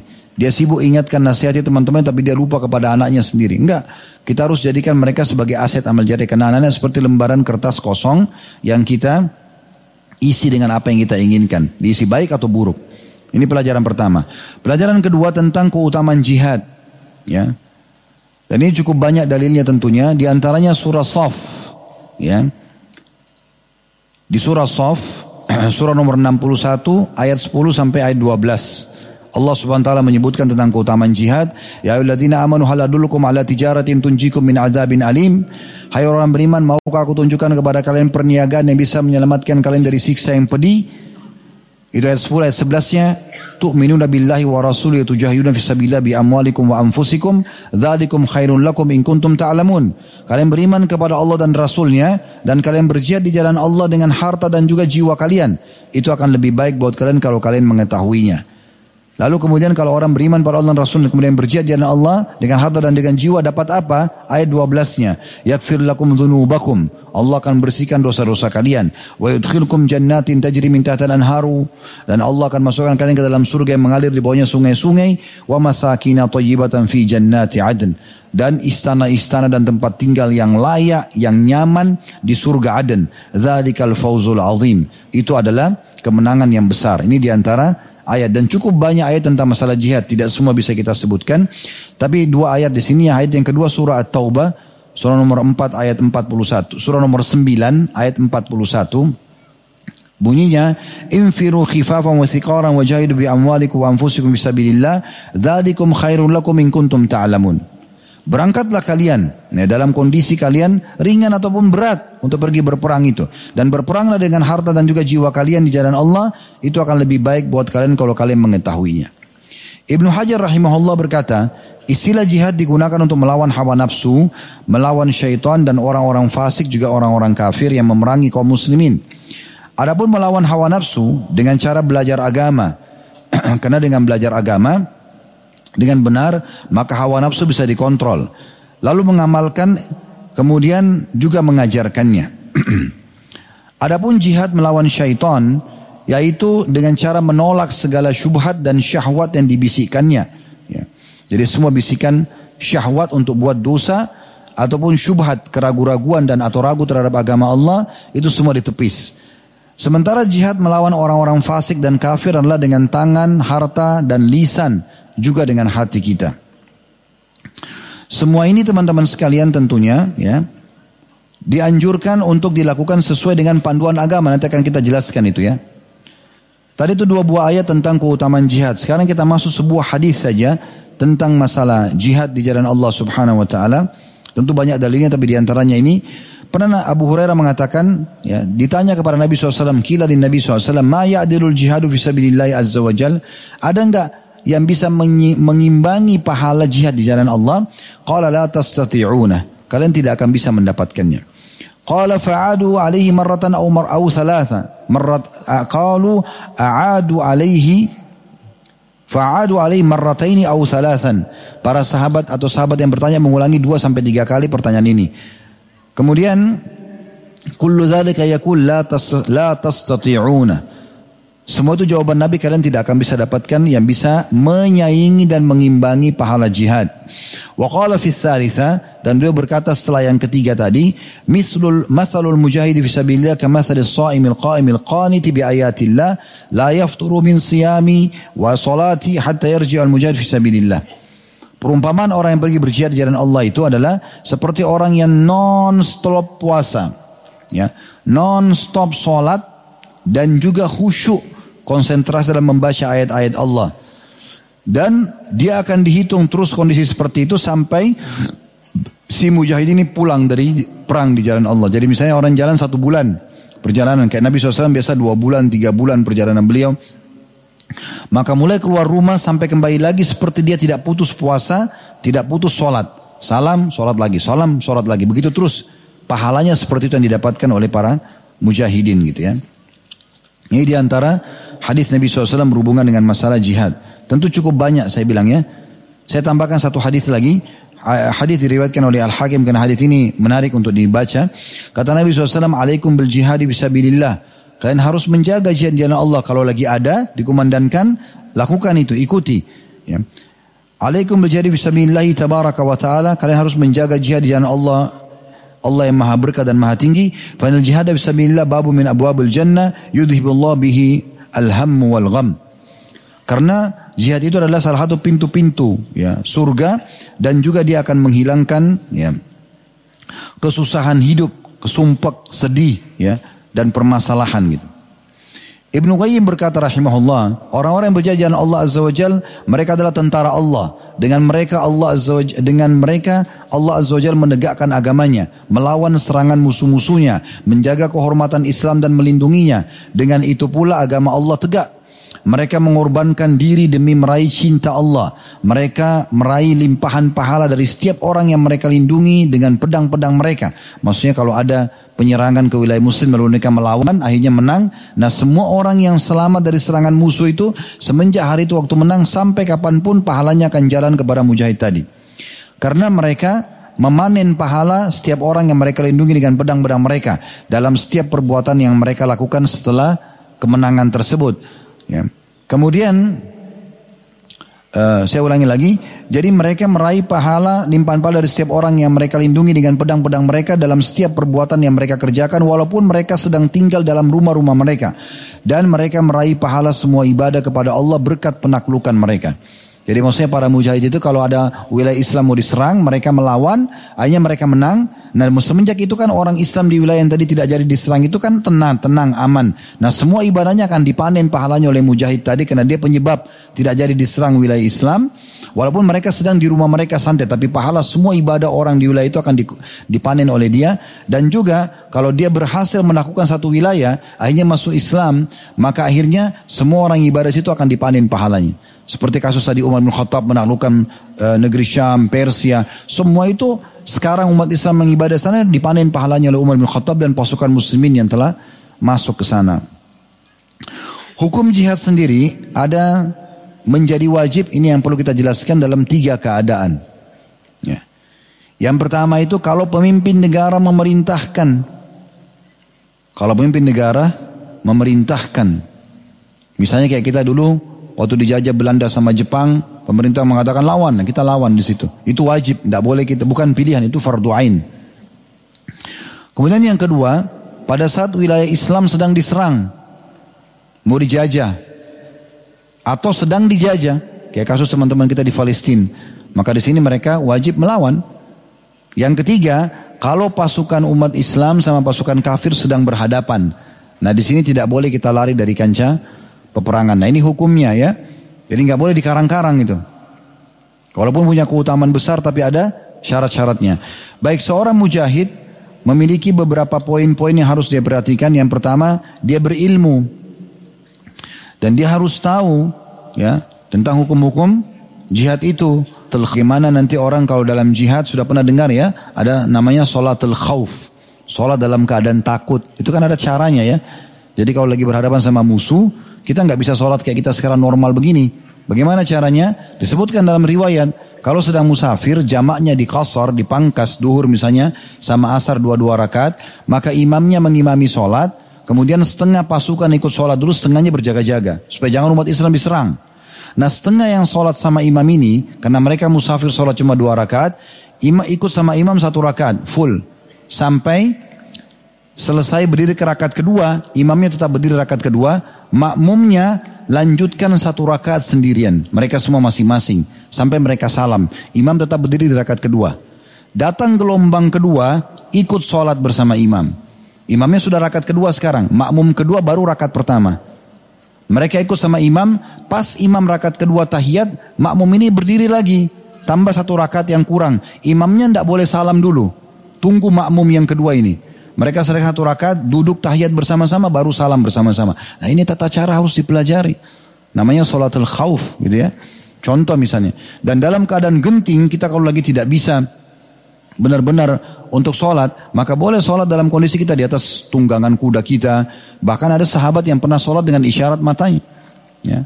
Karena memang tidak memungkinkan lagi misalnya. Nah ini ada ilmu di situ ya. Sama juga dengan masalah ghanimah harta rampasan perang didapatkan setelah berperang. Ada fai ya harta rampasan perang yang ditinggalkan musuh tanpa peperangan. Nah ini semua kan harus dipelajari. Ya, tidak boleh sembarangan. Kalau ada orang yang langsung mengambil ghanimah, dia pikir karena ini harta rampasan perang diambil itu namanya gulul. Ya itu harta haram, tidak boleh. Dia harus kasih ke panglima perang, panglima perang keluarkan dulu seperlimanya, itu untuk Allah dan Rasulnya dikeluarkan jalan Allah, empat perlimanya dibagi untuk mujahid. Ya, dan orang-orang yang mengeluarkan lebih banyak harta, kayak dia punya beli senjata, dia punya kendaraan itu lebih besar ganimanya dibandingkan orang yang jalan kaki itu ada pembagian sendiri, itu ada ilmunya. Maka mujahid itu harus punya ilmu, nggak boleh tidak. Ya, makanya menuntut ilmu itu teman-teman sekalian dianggap seperti orang jihad. Kayak antum dulu begini, itu antum jangan anggap ini sia-sia. Ya, Kata Nabi SAW dalam hadis riwayat Trimiti, man kharaja fi talabul ilm, wa huwa fi sabilillah Siapa yang keluar menuntut ilmu maka dia dihitung seperti di jalan Allah, seperti lagi berperang, ya, sampai dia kembali karena menuntut ilmu itu wajib dimiliki pada mujahid. Sekarang berilmu begini dulu, nanti antum tinggal praktikin pada saat terjadi di kancah peperangan kan begitu. Itu penting. Begitu juga Abu Darda berkata, siapa yang menganggap bahwa berjihad dengan ilmu bukan jihad, maka akal fikirannya telah keliru. Ini dinukil oleh Ibnu Qayyim dalam Miftah Darus Sa'adah. Jadi untuk ilmu begini itu luar biasa, itu jihad juga ya. Jangan dianggap remeh, antum jangan pikir duduk sekian jam ini sia-sia, enggak. Dapat ilmu, dapat pahala, ya malaikat turun membawa rahmat, ini juga akan jadi timbangan amal kita hari kiamat, banyak sekali faedahnya. Selain memang kita dihitung seperti berjihad. Mati karena tidak lagi berperang, tapi seperti ini duduk adalah seperti berjihad. Yang kedua harus ikhlas karena Allah SWT dan karena ingin meninggikan kalimat Allah, bukan karena yang lainnya. Ya, ikhlas. Jadi bukan hanya karena ingin dipuji, ingin menunjukkan kehebatan. Karena dalam sebuah riwayat Bukhari Muslim dikatakan, Kila ya Rasulullah, ar-rajul yuqatil syaja'ah. Wahai Rasulullah, ada orang yang berperang karena ya dia syaja'ah, keberanian. Ya. Wa yuqatil hamiyah dan ada juga orang berperang hanya karena pembelaan saja atau karena menunjukkan kegagahannya. Wa yuqatir riya'an, berperang hanya untuk pamer. Fa ayu dzalika fisabilillah? Mana yang dihitung di jalan Allah? Faqala sallallahu alaihi wasallam maka Nabi SAW bersabda man qatala fi litakuna kalimatullahi al ulya wa huwa fisabilillah. Siapa yang berperang ya untuk menjadikan kalimat Allah itu yang tinggi, maka dia di jalan Allah. Yang ketiga, memahami tentang adab-adab jihad. Ini penting sekali. Perhatikan, Nabi SAW bersabda kepada pasukannya, berpeganglah kalian dengan nama Allah. Ya, ini yang pertama. Berperanglah kalian, berperang kalian dengan nama Allah. Jadi kita jalan baca bismillah. Ini ada pertama. Karena semua amal yang kita mulai dengan bismillah dapat berkah. Kata Nabi SAW, Kullu amrin la yubda bismillah fahuwa aqta. Semua perkara tidak mulai dengan nama Allah maka terputus dari rahmat. Maka mulai dengan bismillah adab. Adab yang kedua, di jalan Allah. Bukan di jalan syaitan. Bukan hanya karena pembelaan suku saja, tapi memang untuk agama Allah ditegakkan. Kebenaran ditegakkan. Orang-orang, perangilah orang-orang kafir kepada Allah dan jangan kalian berkhianat. Ini adab yang ketiga. Jangan karena kita pergi berperang lalu kita mengkhianati akad, ya. Kita mengkhianati harta orang non muslim, Ya padahal sebenarnya belum menjadi hak kita gitu kan. Bukan hak kita itu. Yang ketiga, yang keempat, jangan kalian mengingkari janji. Kalau sudah janji, janji. Damai, damai, nggak masalah. Saya tidak serang, tidak serang. Ini penting. Ini adab yang keempat. Karena ciri orang munafik suka ingkari janji, orang mumin tidak. Yang kelima, jangan kalian membunuh anak-anak. Ini wasiat Nabi kepada pasukan. Anak-anak nggak boleh dibunuh. Kemudian yang keenam, jika kalian dengan musuh-musuh jika kalian dengan musuh-musuh kalian ajak mereka kepada tiga perkara. Ini yang keenam. Sebelum perang tawarin dulu ini, ya. Jika mereka berkenan terimalah dari mereka dan jangan apa-apakan mereka. Pertama ajak mereka kepada Islam. Ini masih poin adab yang keenam. Tawarkan tiga perkara. Tawarkan mereka Islam. Jika mereka menerima maka terimalah keislaman mereka dan jangan perangi mereka. Jangan tipu mereka, sudah syahadat lalu kita perangi. Mungkin antum bilang, tapi dia bohong Ustaz. Enggak, enggak boleh kita gitu. Tugas kita cuma menghakimi secara zahir. Kita enggak tahu hati orang. Makanya pernah Usama radhiyallahu anhu itu berduel dengan orang pada saat menyerang satu suku bersama dengan pasukannya Amr bin As. Lalu setelah orang itu kepepet, pas mau ditebas, asyhadu an la ilaha illallah Rasulullah. Usama bingung, ini orang bohong atau enggak? Tadi perangan sama saya, duel nih. Kalau tadi tidak tidak berhasil Usama tangkis, mungkin dia sudah dibunuh. Maka Usama tebas saja. Ah ini orang bohong nih. Temannya yang ingatkan, ada orang muslim yang lain. Kenapa kau bunuh Usama? Dia sudah syahadat. Tidak, dia syahadat karena lihat pedang saya kok. Maka semua orang diam tidak tahu hukum waktu itu. Sampai di Madinah dilaporkan kepada Nabi SAW. Maka Nabi berubah wajah lalu mengatakan, Hai Usama, kenapa kau bunuh orang yang mengucapkan syahadat? Dia mengatakan, Ya Rasulullah, dia syahadat karena lihat pedang saya. Tadi saya duel nih berdua. Saya hampir dibunuh sama dia. Maka dia tengah takut aja. Kata Nabi SAW, apa kau belah dadahnya? Kau tahu dia benar atau tidak? Terus saja Nabi SAW ulangi sampai kata Usama, aku berharap aku seperti orang baru dilahirkan pada hari itu. Karena takutnya dengan dosa itu. Jadi nggak boleh. Tugas kita hanya menghakimi. Dia bohong itu urusan dia sama Allah. Gak ada masalah. Tadi hurumuzan lihat. Ya. Begitu syarat oleh Umar diterima selesai. Masalah nanti dia bohong, dia nipu itu dihukum lagi nanti. Begitu indahnya Islam. Ini wasiat. Kalau mereka terima Islam, maka terimalah dan jangan perangi mereka. Kemudian ajak mereka untuk pindah dari tempat mereka ke tempat muhajirin. Kalau di tempat mereka susah ibadah, ajak mereka pindah ke wilayah kaum muslimin. Jika mereka melakukan itu, maka kabarkan kalau mereka mendapatkan apa yang didapatkan para muhajirin. Karena orang-orang hijrah dibersihkan dosanya, gitu kan? Dan mendapatkan rezeki dijanjikan dalam surah An-Nisa, surah nomor 4 ayat 100 ya. Kemudian kata Nabi SAW, dan mereka juga dibebankan syariat yang dibebankan kepada para mujahirin. Atau para muhajirin maaf orang-orang hijrah. Bukan berarti karena mereka masuk Islam mereka hijrah lalu tidak sholat tidak dibebankan syariat. Apabila mereka enggan untuk pindah kabarkan kepada mereka bahwasanya keadaan mereka seperti orang Arab pegunungan yang muslim. Hukum Allah kepada orang-orang muslim tersebut berlaku pada mereka. Maksudnya tetap saja walaupun tidak mau hijrah berarti ingat ya tetap harus harus ibadah di sini. Harus ada halal haramnya Allah diterapkan walaupun kalian tidak hijrah gitu Kemudian dikatakan, hanya saja mereka tidak akan mendapatkan harta rampasan perang kecuali bila mereka ikut berperang dengan muslimin. Kalau orang-orang yang tadi masuk Islam itu, di masa peperangan bisa saya dikasih harta rampasan perang. Kalau orang yang tidak masuk Islam pada saat itu Islamnya nanti tidak dibagikan harta rampasan perang langsung, gitu kan? Jika mereka enggan terhadap Islam, ya ini yang kedua ditawarkan, maka minta pada mereka jizya atau upeti. Ya, kurang lebih 40 dirham hitungannya nih kalau tidak salah. Per kepala. Apabila mereka berkenan, maka terimalah jizya dari mereka dan jangan perangi mereka. Jika mereka enggan membayar jizya, maka mintalah pertolongan kepada Allah dan perangilah mereka. Ya, ini adab-adabnya ya. Disebutkan Imam Muslim, Tirmidzi dengan hadis sahih tentunya. Itu adab enam. Adab yang ketujuh disebutkan dari pendapat Ibnu Umar radhiyallahu anhu atau hadis Ibnu Umar Beliau mengatakan, "Ujidat mar'atu maktulatun fi ba'di magazi Rasulullah sallallahu alaihi wasallam." Pernah terdapat di beberapa peperangan Nabi SAW, di salah satu peperangan Nabi ada jenazah wanita dari kalangan musuh terbunuh juga, ya. Kemudian naha Nabi SAW an katlin nisa wasibihan. Setelah itu Nabi SAW larang tidak boleh ada korban dari wanita dan anak kecil. Jadi nggak boleh dibunuh mereka. Ini adabnya ya yang selanjutnya, ya, yang ketujuh yang harus diperhatikan gitu. Kemudian yang kedelapan tidak boleh berkhianat, tidak boleh ya menyalahgunakan kekuatan umat Islam apalagi atas nama pribadi ya kemudian mengambil hak-hak yang bukan haknya. Mencuri misalnya ya. Mencuri misalnya itu tidak boleh. Jangan sampai dia masuk di pasukan kemudian dia masuk ke rumah orang lalu mencuri. Ini tidak benar. Dalam Islam tidak ada. Ini termasuk adabnya. Dan perlu digarisbawahi bahwasanya wanita boleh ikut berjihad, tetapi bukan sewajib laki-laki, ya.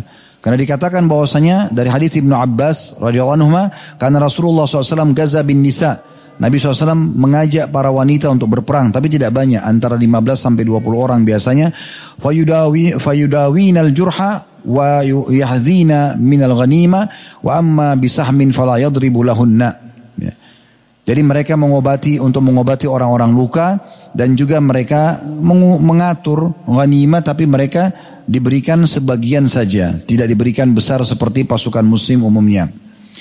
Dan syarat jihad ini yang wajib bagi mereka adalah kalau sudah muslim tentunya itu baru makan jihad. Yang kedua balik anak-anak boleh ikut tapi belum wajib bagi mereka kalau kena hukum wajibnya. Kemudian berakal tidak boleh orang gila. Kemudian orang merdeka, kalau hamba saya terikat dengan majikannya, kalau diizinkan baru boleh. Kemudian yang selanjutnya laki-laki, ya. Itu yang kelima, perempuan boleh tapi ini bukan seharusnya keharusan kalau laki-laki ini kalau kapan kena hukum wajib wajib. Kemudian yang keenam mampu berperang, ya. Yang ketujuh mampu membiayai diri sendiri, ya. Sehingga dia berangkat. Karena pernah ada beberapa sahabat datang kepada Nabi Shallallahu Alaihi Wasallam mereka ingin sekali perang tapi tidak punya apa-apa, nggak punya pedang, nggak punya perisai, nggak punya kuda. Dan Nabi SAW juga tidak punya sesuatu yang bisa diberikan pada mereka, maka mereka pulang dalam kondisi menangis. Tapi di sini gugur bagi mereka kewajiban jihad karena ketidakmampuan itu, kecuali ada yang memberikan kepada mereka. Baik selanjutnya ya, adab yang kesembilan, tidak boleh membunuh orang tua renta. Ya. Diambil daripada riwayat Abu Daud, intaliku bismillah wa billah Berangkatlah kalian dengan nama Allah dan karena Allah. Wa ala millati Rasulillah dan mencontohi ajaran Rasulullah. Wala taqtulu syaikhan faniyan. Jangan pernah bunuh orang yang sudah tua renta. Udah nggak bisa melawan apa-apa. Untuk apa dibunuh gitu, ya. Wala tiflan. Tidak boleh anak kecil. Wala saghiran, tidak boleh juga bayi. Wala mra'atan, tidak boleh juga wanita.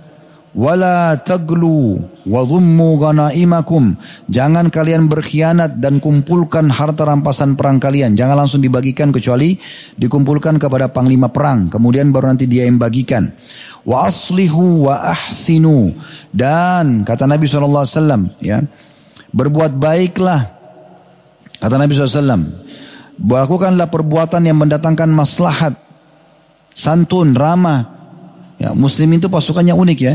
Di medan perang mereka garang, mereka melawan musuh dengan benar. Tapi begitu ditawan, dia lagi berubah jadi lemah lembut. Pasukan muslim musuh sudah kalah, dia berlemah lembut dengan mereka. Biasa aja. Kasih minum, kasih makan, diobati lukanya. Karena saatnya peperangan sudah selesai. Gitu kan. Ini kata Nabi SAW. Kemudian beliau mengatakan juga,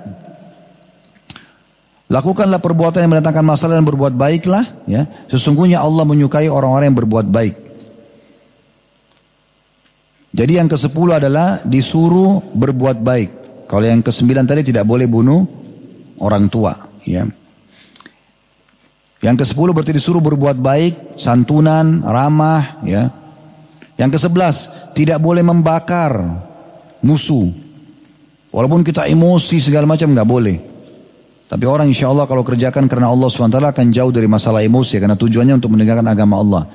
Sesuai dengan hadis Bukhari Muslim. Kata Nabi SAW. In wajadtum fulanan faktulu. Pada satu peperangan Nabi SAW bilang. Kalau kalian temui fulan nanti bisa dibunuh. Ya, karena itu musuh bebuyutan. Wala tuharriku binar. Tapi jangan kalian bakar dia dengan api. Fa inna la yu'adzib bin nari illa rabbun nar. Karena tidak boleh membakar dengan api atau menyiksa dengan api kecuali pemilik api itu. Maksudnya Allah subhanahu wa ta'ala. Yang kedua belas tidak boleh mutilasi. Merusak jasadnya korban dari musuh gitu kan.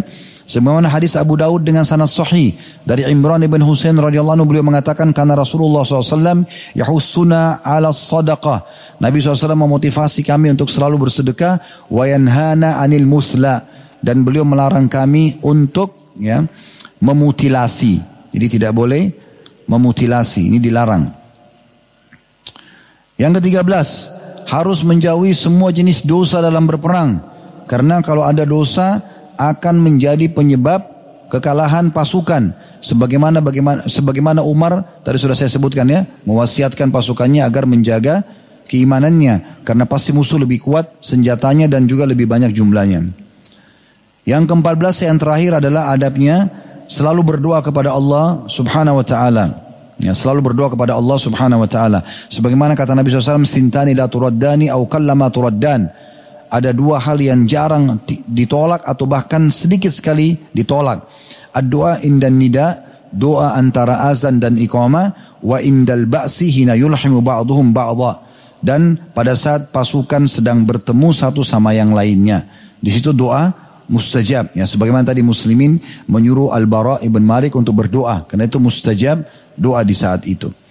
Nah ini yang kedua tentang masalah setelah kita pelajari yang pertama pentingnya pendidikan anak, pendidikan agama sejak dini. Yang kedua adalah keutamaan jihad dan juga tadi syarat-syaratnya. Yang ketiga, pelajaran yang bisa diambil tentang keterampilan berperang itu sendiri. Ya, karena ini semua berhubungan dengan masalah perang yang kita ambil pelajaran dari beliau. Maka perlunya menguasai furusia, keterampilan berkuda, memanah, ya, Mungkin segala jenis olahraga kalau kita niatnya untuk keterampilan badan kita itu semua dibolehkan.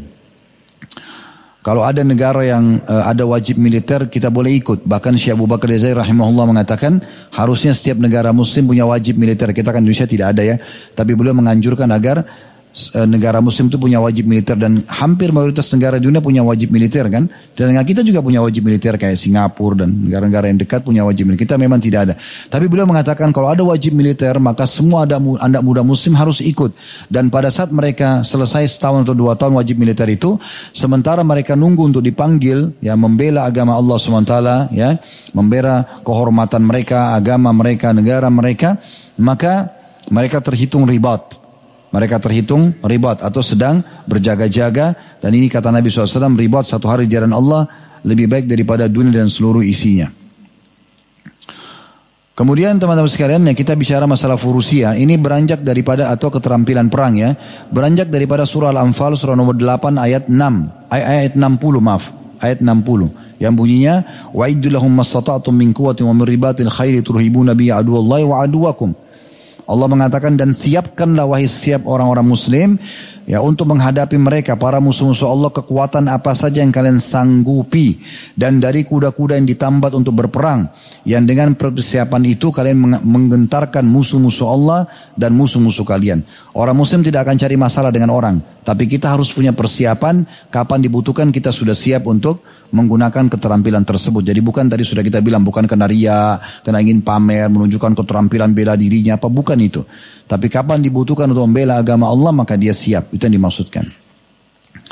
Kemudian juga hadis Nabi SAW yang memerintahkan kita ya untuk menjadi orang mukmin yang kuat secara fisik, secara keimanan, ya. Al-mu'minul qawi khairun wa habbu ila Allah minal mu'minid dhaif. Orang mukmin yang kuat yang lebih baik daripada dan lebih cinta Allah daripada orang mukmin yang lemah. Ini khilaf di antara ulama ya. Ada yang mengatakan kekuatan iman, kekuatan ilmu, kekuatan fisik, kekuatan akidah, ya. Ini semua bisa masuk, tapi kita gabungkan semuanya. Ya, orang mukmin makin kuat dia, secara fisik dia kuat, secara ilmu dia kuat, secara harta dia kuat, ya, semua dia bagus ini maka itu jauh lebih baik, lebih cinta oleh Allah Subhanahu wa taala. Kemudian dalam hadis yang lain riwayat Abu Dawud dan An-Nasai kata Nabi wasallam inna Allah yudkhulu bis sahmi wahidi thalathatu nafar jannah. Sesungguhnya Allah taala memasukkan ya dengan satu anak panah tiga orang ke dalam surga. Satu anak panah bisa membawa tiga orang ke dalam surga. Yang pertama sani'ahu yahtasibu fi san'ihil khair. Yang membuat sendiri anak panah itu yang dia memang niat buat anak panah untuk kebaikan, maksudnya untuk digunakan dalam kebaikan, maka ini dapat pahala. Kemudian yang kedua warrami bihi. Yang kedua adalah orang yang melemparkannya. Yang ketiga ini munabbalahu, ya. Atau orang yang membantu orang yang akan memanah. Kayak misalnya orang mau memanah, kemudian kita kasih dia, kita bantu untuk kita kasih saja anak panah itu juga akan dapat pahala bersama. Warmu warkabu dan kalian memanalah juga tunggangilah kuda itu. Wa antarmu ahabbu ilayya min antarkabu. Dan kalian belajar memanah lebih aku cintai daripada kalian menunggangi kuda. Laisa minal lahwi illa salas. Dan ketahuilah tidak dihitung sia-sia tiga perbuatan. Yang pertama ta'dibur rajul farasa kalau orang berlatih kudanya atau merawat kudanya, ya. Yang kedua mau mulaba mula'abatu atau mula'abatahu li ahlihi. Orang yang bercengkrama sama pasangan halalnya. Yang ketiga waramyu bikausihi au nablihi. Yang ketiga adalah dia melatih, berlatih panah ataupun melepaskan anak panahnya. Nabi SAW juga kita tahu berlomba lari dengan Aisyah, kemudian berlomba kuda dengan para sahabat. Beliau juga mengatakan dalam hadis, Diriwayatkan Baihaqi, "Allimu auladakum sibaha." Ajarkan anak kalian untuk berenang, warramya, memanah, ya. wal mar'atul ma'zal, ya. Dan juga ajarkan para wanita untuk memintal bulu, menjahit kalau kita sekarang ya. Kemudian Nabi SAW juga mengingatkan agar umat Islam jangan karena tidak ada peperangan lalu mereka tidak belajar keterampilan-keterampilan ini. Termasuk masalah memanah misalnya, menunggangi kuda, atau mungkin kita sekarang olahraga secara untuk kesehatan badan. Jangan kena sudah dibukain semua rezeki, tidak ada peperangan lalu mereka santai-santai saja. Sebagaimana Nabi SAW mengatakan dalam hadis riwayat Muslim, Satuftahu alaikum aradun, akan dibukakan oleh Allah SWT untuk kalian bumi ini. Banyak tanah yang kalian taklukkan nanti umat Islam taklukkan. Wa yakfikumullah dan Allah akan cukupkan kalian. Fala ya'jaz ahadukum wa bi ashumihi. Tapi pada saat itu jangan sampai kalian malas untuk memainkan atau berlatih panahnya. Dan juga kata Nabi SAW dalam hadis riwayat Muslim, "Man 'alima ramya thumma tarakau falaysa minna au qad asa." Siapa yang pernah belajar memanah lalu dia tinggalkan, maka dia bukan dari golongan kami. Nabi SAW melarang kalau sudah punya keterampilan selalu selalu diasah, ya. Bukan untuk keburukan, untuk untuk kejahatan ya, untuk keterampilan. Dalam riwayat lain dikatakan maka dia telah bermaksiat kepada Rasul. Rasulullah SAW juga bersabda barang siapa yang menahan seekor kuda di jalan Allah dengan keimanan dan membenarkan janjinya. Artinya antum punya kuda, niatnya untuk melatih keterampilan. Apalagi kalau dipakai berperang satu waktu jalan Allah. Siapa yang menahan seekor kuda karena keimanan dan membenarkan janji Allah, maka ya kenyangnya kuda itu, kotorannya, air kencingnya akan ya dijadikan pahala di timbangan amal dia pada hari kiamat nanti. Jadi sangat bermanfaat. Baik, yang keempat tentang keutamaan ya mati syahid. Dan ini mati syahid yang paling utama adalah mati di jalan Allah Subhanahu wa taala sebagaimana sudah panjang lebar tadi kita jelaskan ya. Cuma saya ingin tambahkan di sini, mati syahid tidak selamanya juga harus di medan perang. Tapi ada banyak jenis mati syahid. Cuma bedanya nanti kalau mati syahid di medan perang itu dia nggak perlu dimandikan, nggak perlu dikafani, ya dia dikuburkan dengan apa adanya. Bahkan para mujahid tidak disolati pun tidak masalah. Mereka dikubur dalam kondisi mereka berdarah segala macam itu dikubur begitu saja. Itu yang dicontohkan Nabi SAW.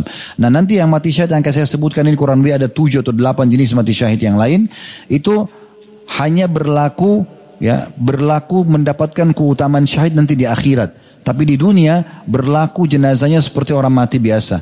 Tetap dimandikan, tetap dikafani, tetap disolati gitu ya. Nah, di sini disebutkan dalam hadis ya.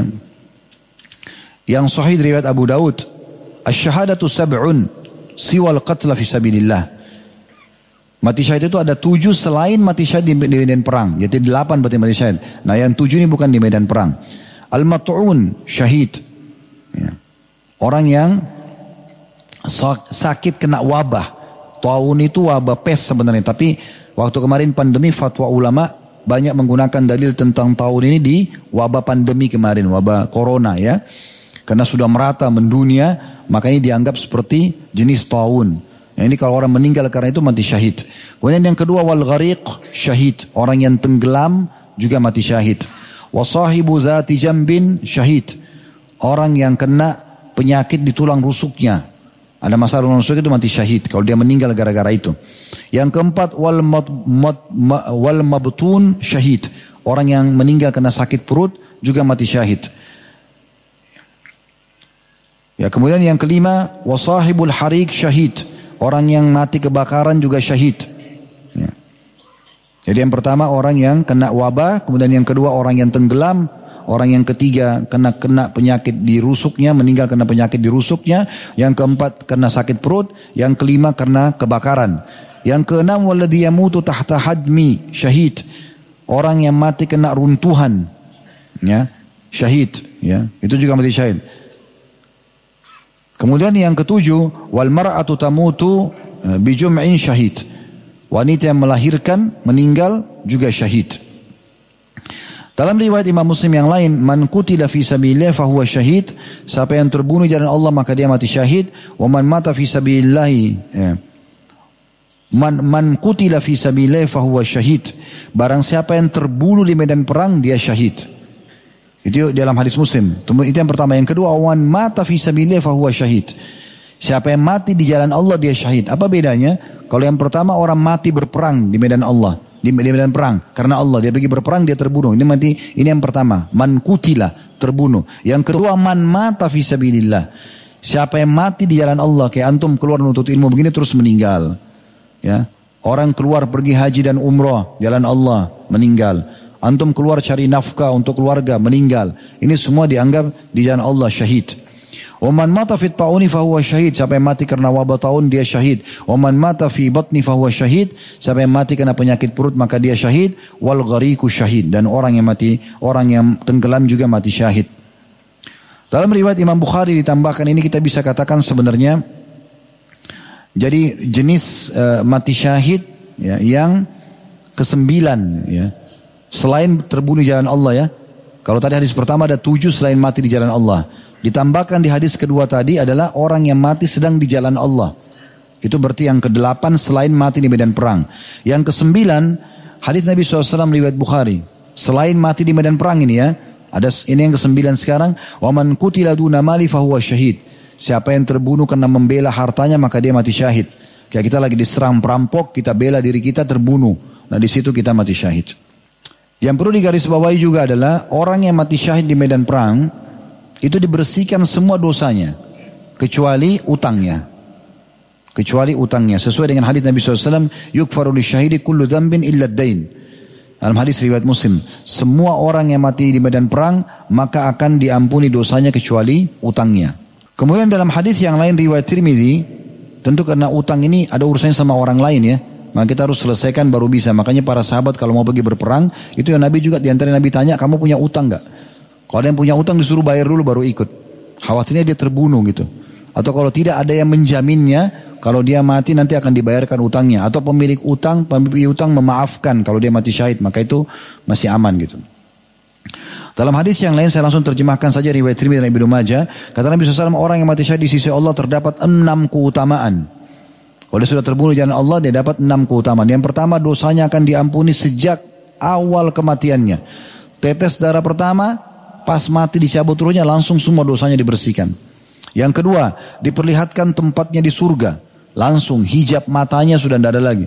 Dia langsung lihat surganya itu. Yang selama ini kita cuma dengar, ya masih ditutupi buat kita orang yang mati syahid langsung bisa lihat surganya. Yang ketiga, dijaga dari siksa kubur. Yang keempat, diberi keamanan dari ketakutan yang besar saat dibangkitkan dari kubur nanti. Karena orang kan semua dibangkitkan nanti dalam kondisi ketakutan. Nah, orang ada sebagian orang-orang yang akan diselamatkan di bawah naungan Allah, di antaranya orang yang mati syahid. Yang kelima akan diberikan mahkota kemuliaan yang satu permatanya lebih baik daripada dunia dan seluruh isinya. Hari kiamat nanti dipakein mahkota, orang jadi tahu semua oh ini orang mati syahid. Penuh dengan permata, satu permata yang lebih baik daripada dunia dan seluruh isinya. Yang keenam, dinikahkan dengan 72 bidadari. Bukan satu dua. Di dunia antum bisa poligami maksimal empat. Ya, ini kalau orang mati syahid 72 bidadari. Tidak usah dibayangkan, berharap saja nanti Allah kasih. Yang ketujuh, diberikan hak memberikan syafaat 70 keluarganya. Tentu keluarganya dalam keadaan Islam. Dia bisa tunjuk, kamu, kamu, kamu ikut sama saya masuk surga. Selama keluarganya itu muslim dan tidak membatalkan keislamannya. Nah ini kurang lebih gambaran tentang pelajaran keempat, keutamaan mati syahid. Yang kelima, keutamaan syaja'ah, keberanian. Tapi keberanian yang benar, karena tidak boleh orang pengecut. Sebagai seorang muslim tidak boleh pengecut. Penakut gak boleh. Sampai pernah ada sahabat bilang begini, ya Rasulullah, bagaimana kalau ada orang yang mau merampas harta saya? Apa kata Nabi SAW? Kasih saja? Tidak, beliau mengatakan, qatilhu, lawan dia. Nabi bilang begitu. Lalu orang ini mengatakan, ya Rasulullah, bagaimana kalau saya bunuh dia? Kau tidak berdosa. Bagaimana kalau saya dibunuh? Kau mati syahid. Ya. Terus Ustaz, apa kita tidak boleh kasih kalau misalnya kita memang ketakutan orang terlalu banyak? Boleh saja. Kalau antum lihat keadaannya memang tidak memungkinkan. Tapi kalau orang mau dapat mati syahid itu kesempatannya pada saat itu. Hitungan detik. Ya. Nah kalau secara etimologi bahasa ini syaja itu sebenarnya pemberani atau keberanian dan ini ciri khasnya setiap muslim. Tapi berani pada kebenaran. Ya, nggak boleh takut. Makanya saya pernah singgung juga dalam pendidikan anak jangan suka takut-takuti anak-anak. Selalu takut-takuti. Sampai anak pun takut dengan kecoa, takut dengan cecak, yang tidak masuk akal. Bagaimana mau hadapi musuh ini? Ya, nah, mungkin selalu gitu ditakut-takutin. Secara terminologi atau istilahnya berani menghadapi resiko dan kehancuran saat situasi menghendaki demikian. Ya. Itu yang disebutkan oleh para ulama, di antaranya juga dinukil dari Al-Munawi. Beliau berkata berani secara sadar dan tidak peduli menghadapi ancaman demi sebuah manfaat yang akan diraih dari kebenaran. Ya, jadi seperti itu. Dan syajah ini keberanian berarti lawannya pengecut. Ya. Nabi SAW berlindung dari sifat pengecut dalam hadis Bukhari. Allahumma inni a'udzubika minal jaban. Ya Allah aku berlindung kepadamu dari sifat pengecut. Dan dalam hadis riwayat Ibnu Majah kata Nabi SAW, syarru ma fi rajul, hal yang paling buruk ada pada diri seseorang, syuhun hali' sifat pelit yang selalu diikuti, wajubnu khali' dan pengecut yang luar biasa. Ini dua hal yang paling buruk kalau ada pada laki-laki. Sudah pelit, pengecut. Gak layak jadi suami, gak layak jadi ayah, gak layak jadi saudara, gak layak lagi teman. Kalau orang itu antum teman senantiasa dermawan, ya, tidak pelit, maka ini sudah satu poin. Tambah lagi dia berani, kalau benar dia menghadapi, maka ini orang yang paling pantas ya, untuk jadi sahabat, untuk jadi suami dan seterusnya. Ibnu Qayyim rahimahullah berkata, maka sungguhnya pemberani lapang dada dan Eh, penakut manusia paling sempit dadanya. Licik hatinya. Tidak ada kebahagiaan dan kesenangan juga kenikmatan kecuali dari sisi seperti hewan saja. Ini kata Ibnu Qayyim. Kalau pemberani itu lapang dadanya. Semuanya juga dia berbesar hati untuk bisa menerima. Bahkan pemberani yang sejati itu kalau dia lagi duel dia kalah dia akui sebuah kekalahan. Biasa aja. Ya. Maka itu seperti dia belum terampil, dia belajar, dia bertanya itu keberanian yang sebenarnya. Kalau pengecut tidak seperti itu. Kemudian Nabi SAW mengatakan dalam hadis riwayat Bukhari, "Lau kana li adad hadhihi al-usad atau udah na'aman laqasamtu bainakum, thumma la tajiduni bakhilan wala kadhuban wala jabanan." Kalau seandainya aku memiliki sejumlah ranting-ranting kayu ini dari nikmat Allah aku tidak akan pelit dengan kalian. Kata Nabi SAW kepada pasukannya, kepada orang-orang yang datang minta harta rampasan perang. Lalu beliau mengatakan dan kalian tidak akan pernah menemukan aku menjadi orang yang pelit, pendusta dan juga pengecut. Makanya Ali bin Abi Thalib mengatakan kami kalau kalau sedang berkecamuk perang dan lagi kami lagi takut, maksudnya kami lagi terdesak bukan takut ya, kami lagi terdesak, kami semua berlindung di belakang Nabi SAW. Beliau orang yang paling pemberani, gitu kan? Dan itu perkataan Ali bin Abi Thalib dan juga Al-Bara ya menyebutkan masalah itu. Khabbab radhiyallahu juga saat dibunuh ya Khabbab uh, ini Khubaib Khubaib radhiyallahu beliau pernah ditawan oleh uh, satu pasukan kemudian diserahkan kepada Quraisy lalu Quraisy mau bunuh. Waktu mau dibunuh lalu dia mengatakan saya mau sholat dua rakaat diizinkan sholat. Lalu habis sholat dia mengatakan kalau bukan demi Allah saya khawatir kalian mengatakan saya pengecut, maka saya akan tambah sholat saya. Tapi nanti kalian bilang, oh sengaja ulur-ulur ini untuk dibunuh. Kemudian setelah itu ada satu orang Quraisy mengatakan, apa kau mau Muhammad menggantikan tempatmu? Maka dia dengan senyum sambil mengatakan, demi Allah saya tidak pernah berharap itu. Hanya sampai beliau dibunuh oleh orang-orang Quraisy mati syahid. Jadi sudah jelas semua ada kematian depan matanya masih luar biasa beraninya gitu. Ya, itu kisah yang masyhur tentang Khubayb radhiyallahu anhu. Nabi SAW juga cerita tentang Nusaybah binti Ka'ab, wanita mulia. Ya. Kalau antum punya di kawannya anak lah, perempuan, berikan nama Nusaybah ini. Nusaybah binti Ka'ab masyhur. Ya, wanita yang memotivasi suaminya, anaknya untuk selalu berperang. Dan kata Nabi SAW di perang Uhud, waktu saya sedang terdesak, di mana pun anak panah yang terarahkan ke saya, saya menemukan Nusaybah binti Ka'ab sedang mematahkannya. Wanita tapi luar biasa gitu. Ya. Ini termasuk keberanian yang luar biasa gitu. Kemudian Talha bin Ubaidillah radhiyallahu anhu juga di perang Uhud. Bagaimana beliau pada saat Nabi SAW terdesak, beliau datang sendiri. Beliau lawan musuh sendirian, puluhan orang dilawan sama dia. Sampai semua badannya penuh dengan luka. Ya, Sampai-sampai saking parahnya lukanya, dia lindungi Nabi sampai dia pingsan radhiyallahu anhu. Ya. Dan waktu itu pipi Nabi SAW tertancap dengan topi besi beliau.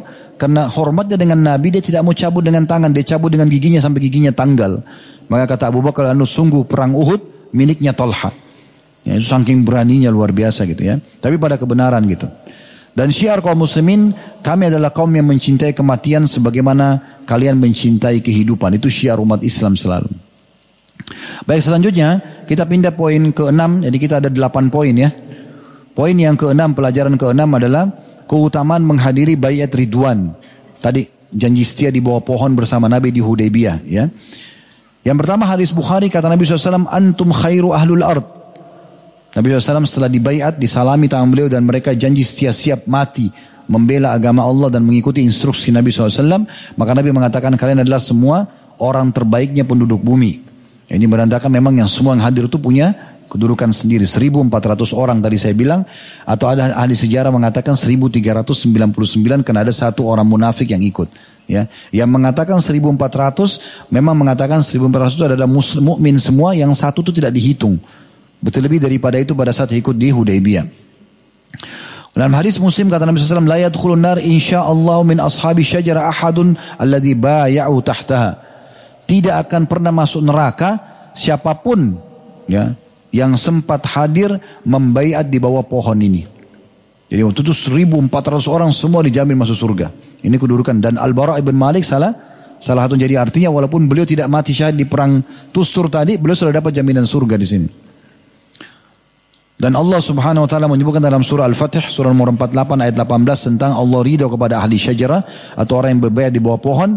Laqad radiyallahu anil mu'mina idh yubayi'unaka tahta syajara fa'alima ma fi kulubim fa'anzala as-sakinata alaihim wa athabahum fathan qariba.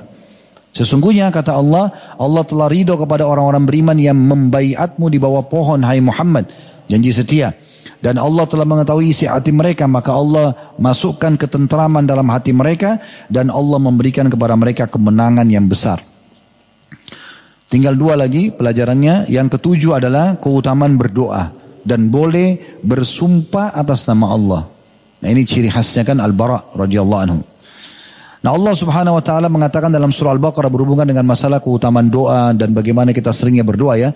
Jadi Al-Bara ibn Malik kata sebagian ulama sampai pada tingkat di mana dia diterima doanya dan sumpahnya karena salah satunya dekatnya kepada Allah subhanahu wa ta'ala dan di antaranya rutinnya berdoa. Rutinnya berdoa. Allah berfirman dalam surah Al-Baqarah surah nomor 2 ayat 186 wa idza sa'alaka ibadi anni fa inni qarib ujibu da'watad da'i idza da'an falyastajibu li wal yu'minu bi la'allahum yarshudun. Kalau ditanyakan kepada Muhammad tentang aku, oleh hamba-hamba katakan aku sangat dekat, aku akan menjawab panggilan atau doa orang-orang yang berdoa kepadaku, maka harusnya mereka memenuhi segala perintahku. Menerima syariatku kata Allah dan mereka beriman kepadaku agar mereka mendapatkan petunjuk. Nabi SAW bersabda dalam hadis sahih, "Ad-du'a huwal ibadah." Puncak daripada ibadah adalah doa.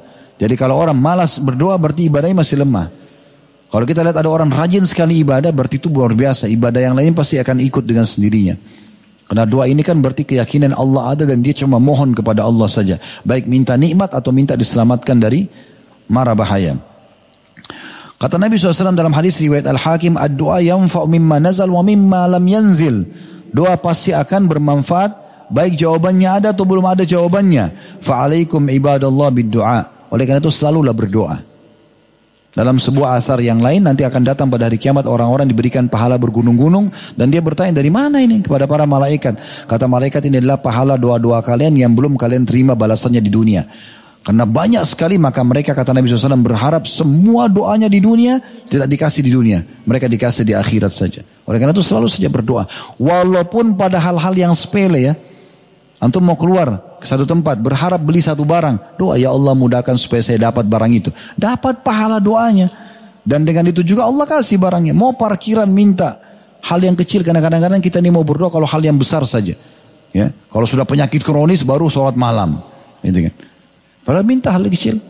Ya, para sahabat Nabi kalau sendal mereka putus, mereka langsung berdoa kepada Allah SWT minta agar digantikan sendalnya. Dan kata Nabi SAW, berdoa kalian pada Tuhan kalian, walaupun kalian minta tali sendal kalian. Hal yang kecil minta kepada Allah. Apalagi hal yang besar gitu. Kemudian kata Nabi SAW dalam hadis Abu Ya'la, Ala adullukum ala ma yunjikum min aduwikum. Mau nggak saya tunjukkan kepada kalian cara yang paling cepat memenangkan kalian dari musuh-musuh kalian wa yadurru lakum arzakukum dan mempercepat datangnya rezeki kalian. Tad'una Allah fi lailikum wa naharikum.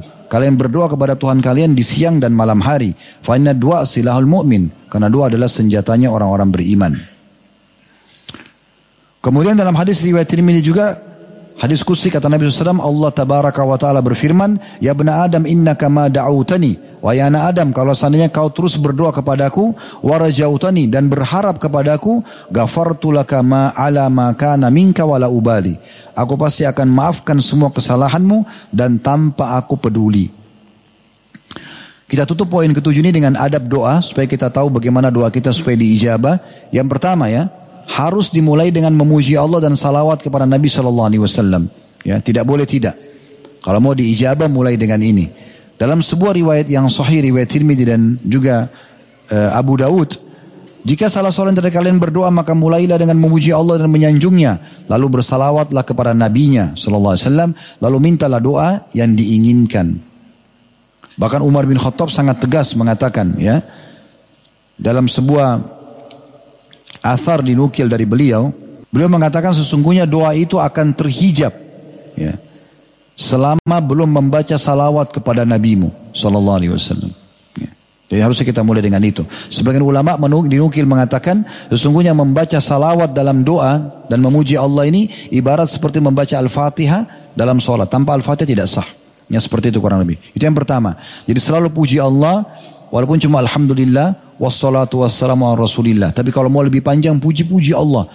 Wahai pencipta langit dan bumi, wahai zat yang telah menciptakan manusia dan jin, puji-puji Allah yang menggantikan siang malam, yang memberikan aku rezeki, yang memudahkan aku mengucapkan doa ini, yang memudahkan aku mengangkat tangan ini, dan seterusnya. Yang memberikan aku pasangan hidup, anak-anak ini, segala macam. Kita puji Allah, kemudian baru kita baca salawat para Nabi SAW, baru sampaikan hajat. Bahkan di beberapa doa Nabi SAW, puji-pujiannya panjang sekali. Itu kayak di doa yang dibaca setelah sholat tahajud, panjang sekali pujiannya. Ujung terakhirnya Nabi cuma minta pengampunan. Satu doa atau dua doa tapi pujiannya panjang sekali. Yang kedua, harus yakin. Diikuti keyakinan.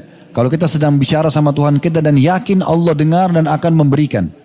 Karena kata Nabi SAW dalam riwayat Tirmidzi, "Ud'ullaha wa antum muqinuna bil ijabah." berdoalah kalian pada Tuhan kalian diikuti dengan keyakinan akan diterima. Wa'lamu anna Allah la yastajibu du'aan min qalbi ghafilin lahin. Ketahuilah Allah tidak akan pernah menerima doa dari hati yang lalai. Ya, dari hati yang lalai. Kemudian yang ketiga, tidak tergesa-gesa dalam mengucapkan doa, santun ramah, ya. Kemudian juga tidak tergesa meminta balasannya langsung dikasih. Yang keempat, tidak boleh memutus silaturahim. Dan yang kelima tidak boleh ada dosa-dosa, tidak boleh minta dosa. Jangan minta supaya dikasih rezeki, supaya bisa berzina, supaya minum khamar, misalnya beli khamar.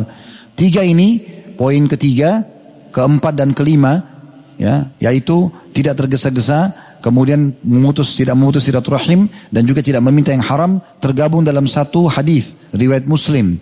Kata Nabi SAW, La yustajabu lil abdi malam yad'u bil ithm. La yustajab. Ya.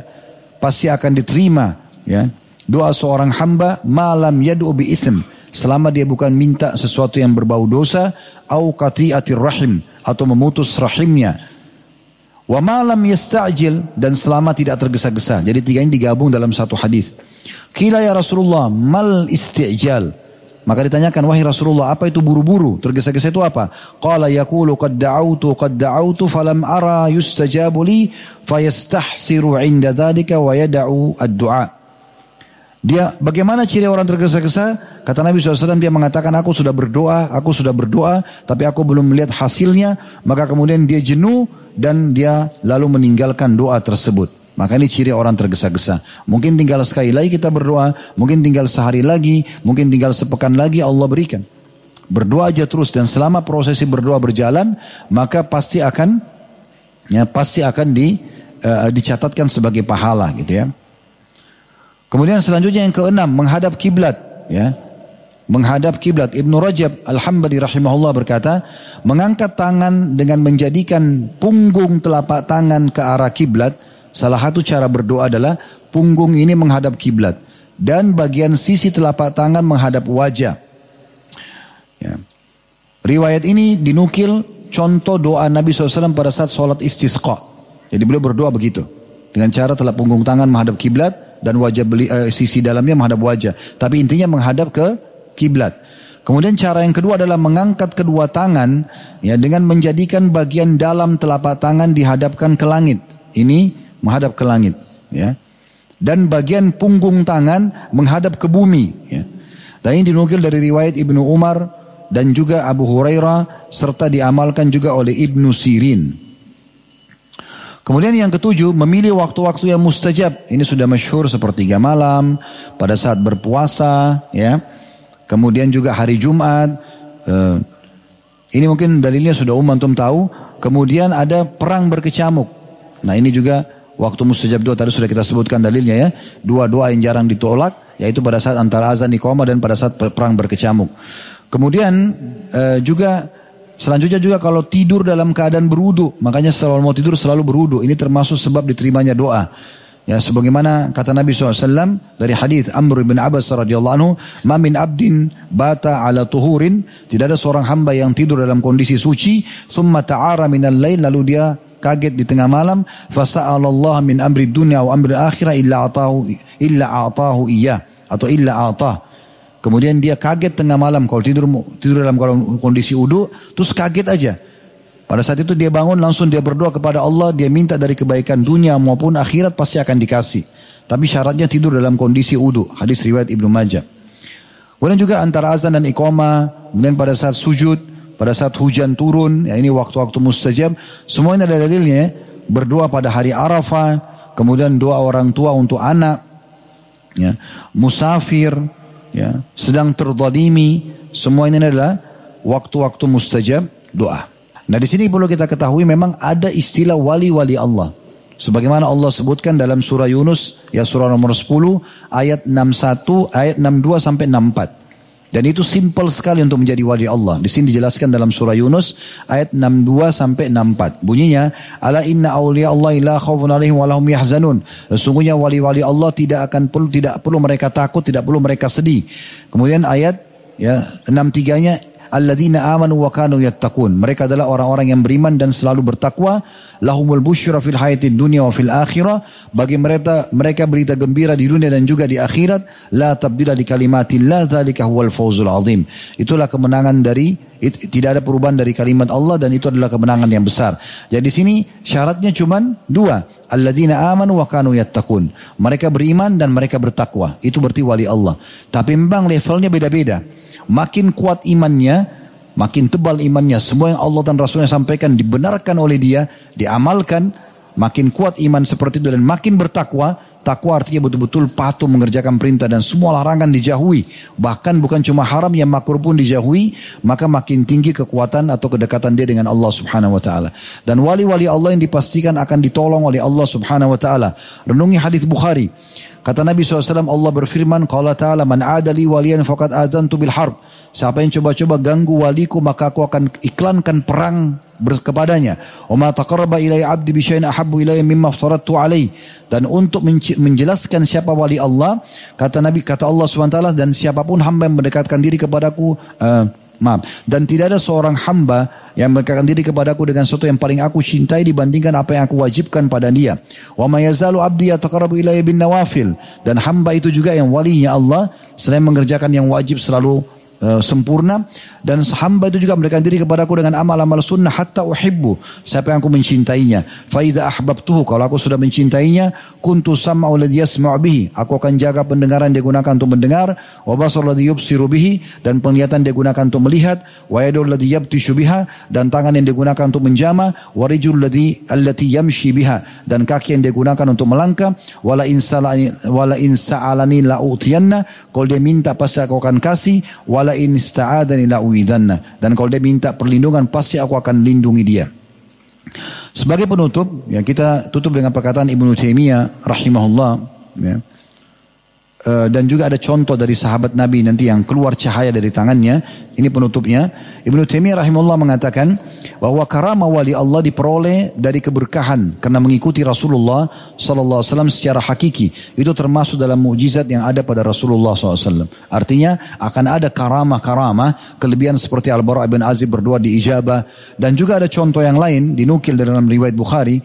Ini kisah tentang dua orang sahabat Usaid bin Khudair dan Abbad ibn Bushir. Nanti bulan depan insya Allah uh, yang akan datang kita akan bahas Usaid bin Khudair. Ini termasuk wali Allah yang luar biasa gitu. Ya.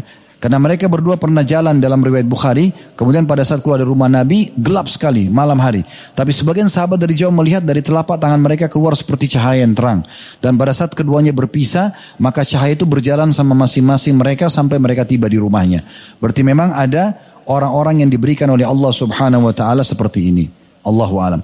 Subhanakallahumma bihamdika asyhadu an la ilaha illa anta astaghfiruka wa atubu ilaik. Wassalamualaikum warahmatullahi wabarakatuh.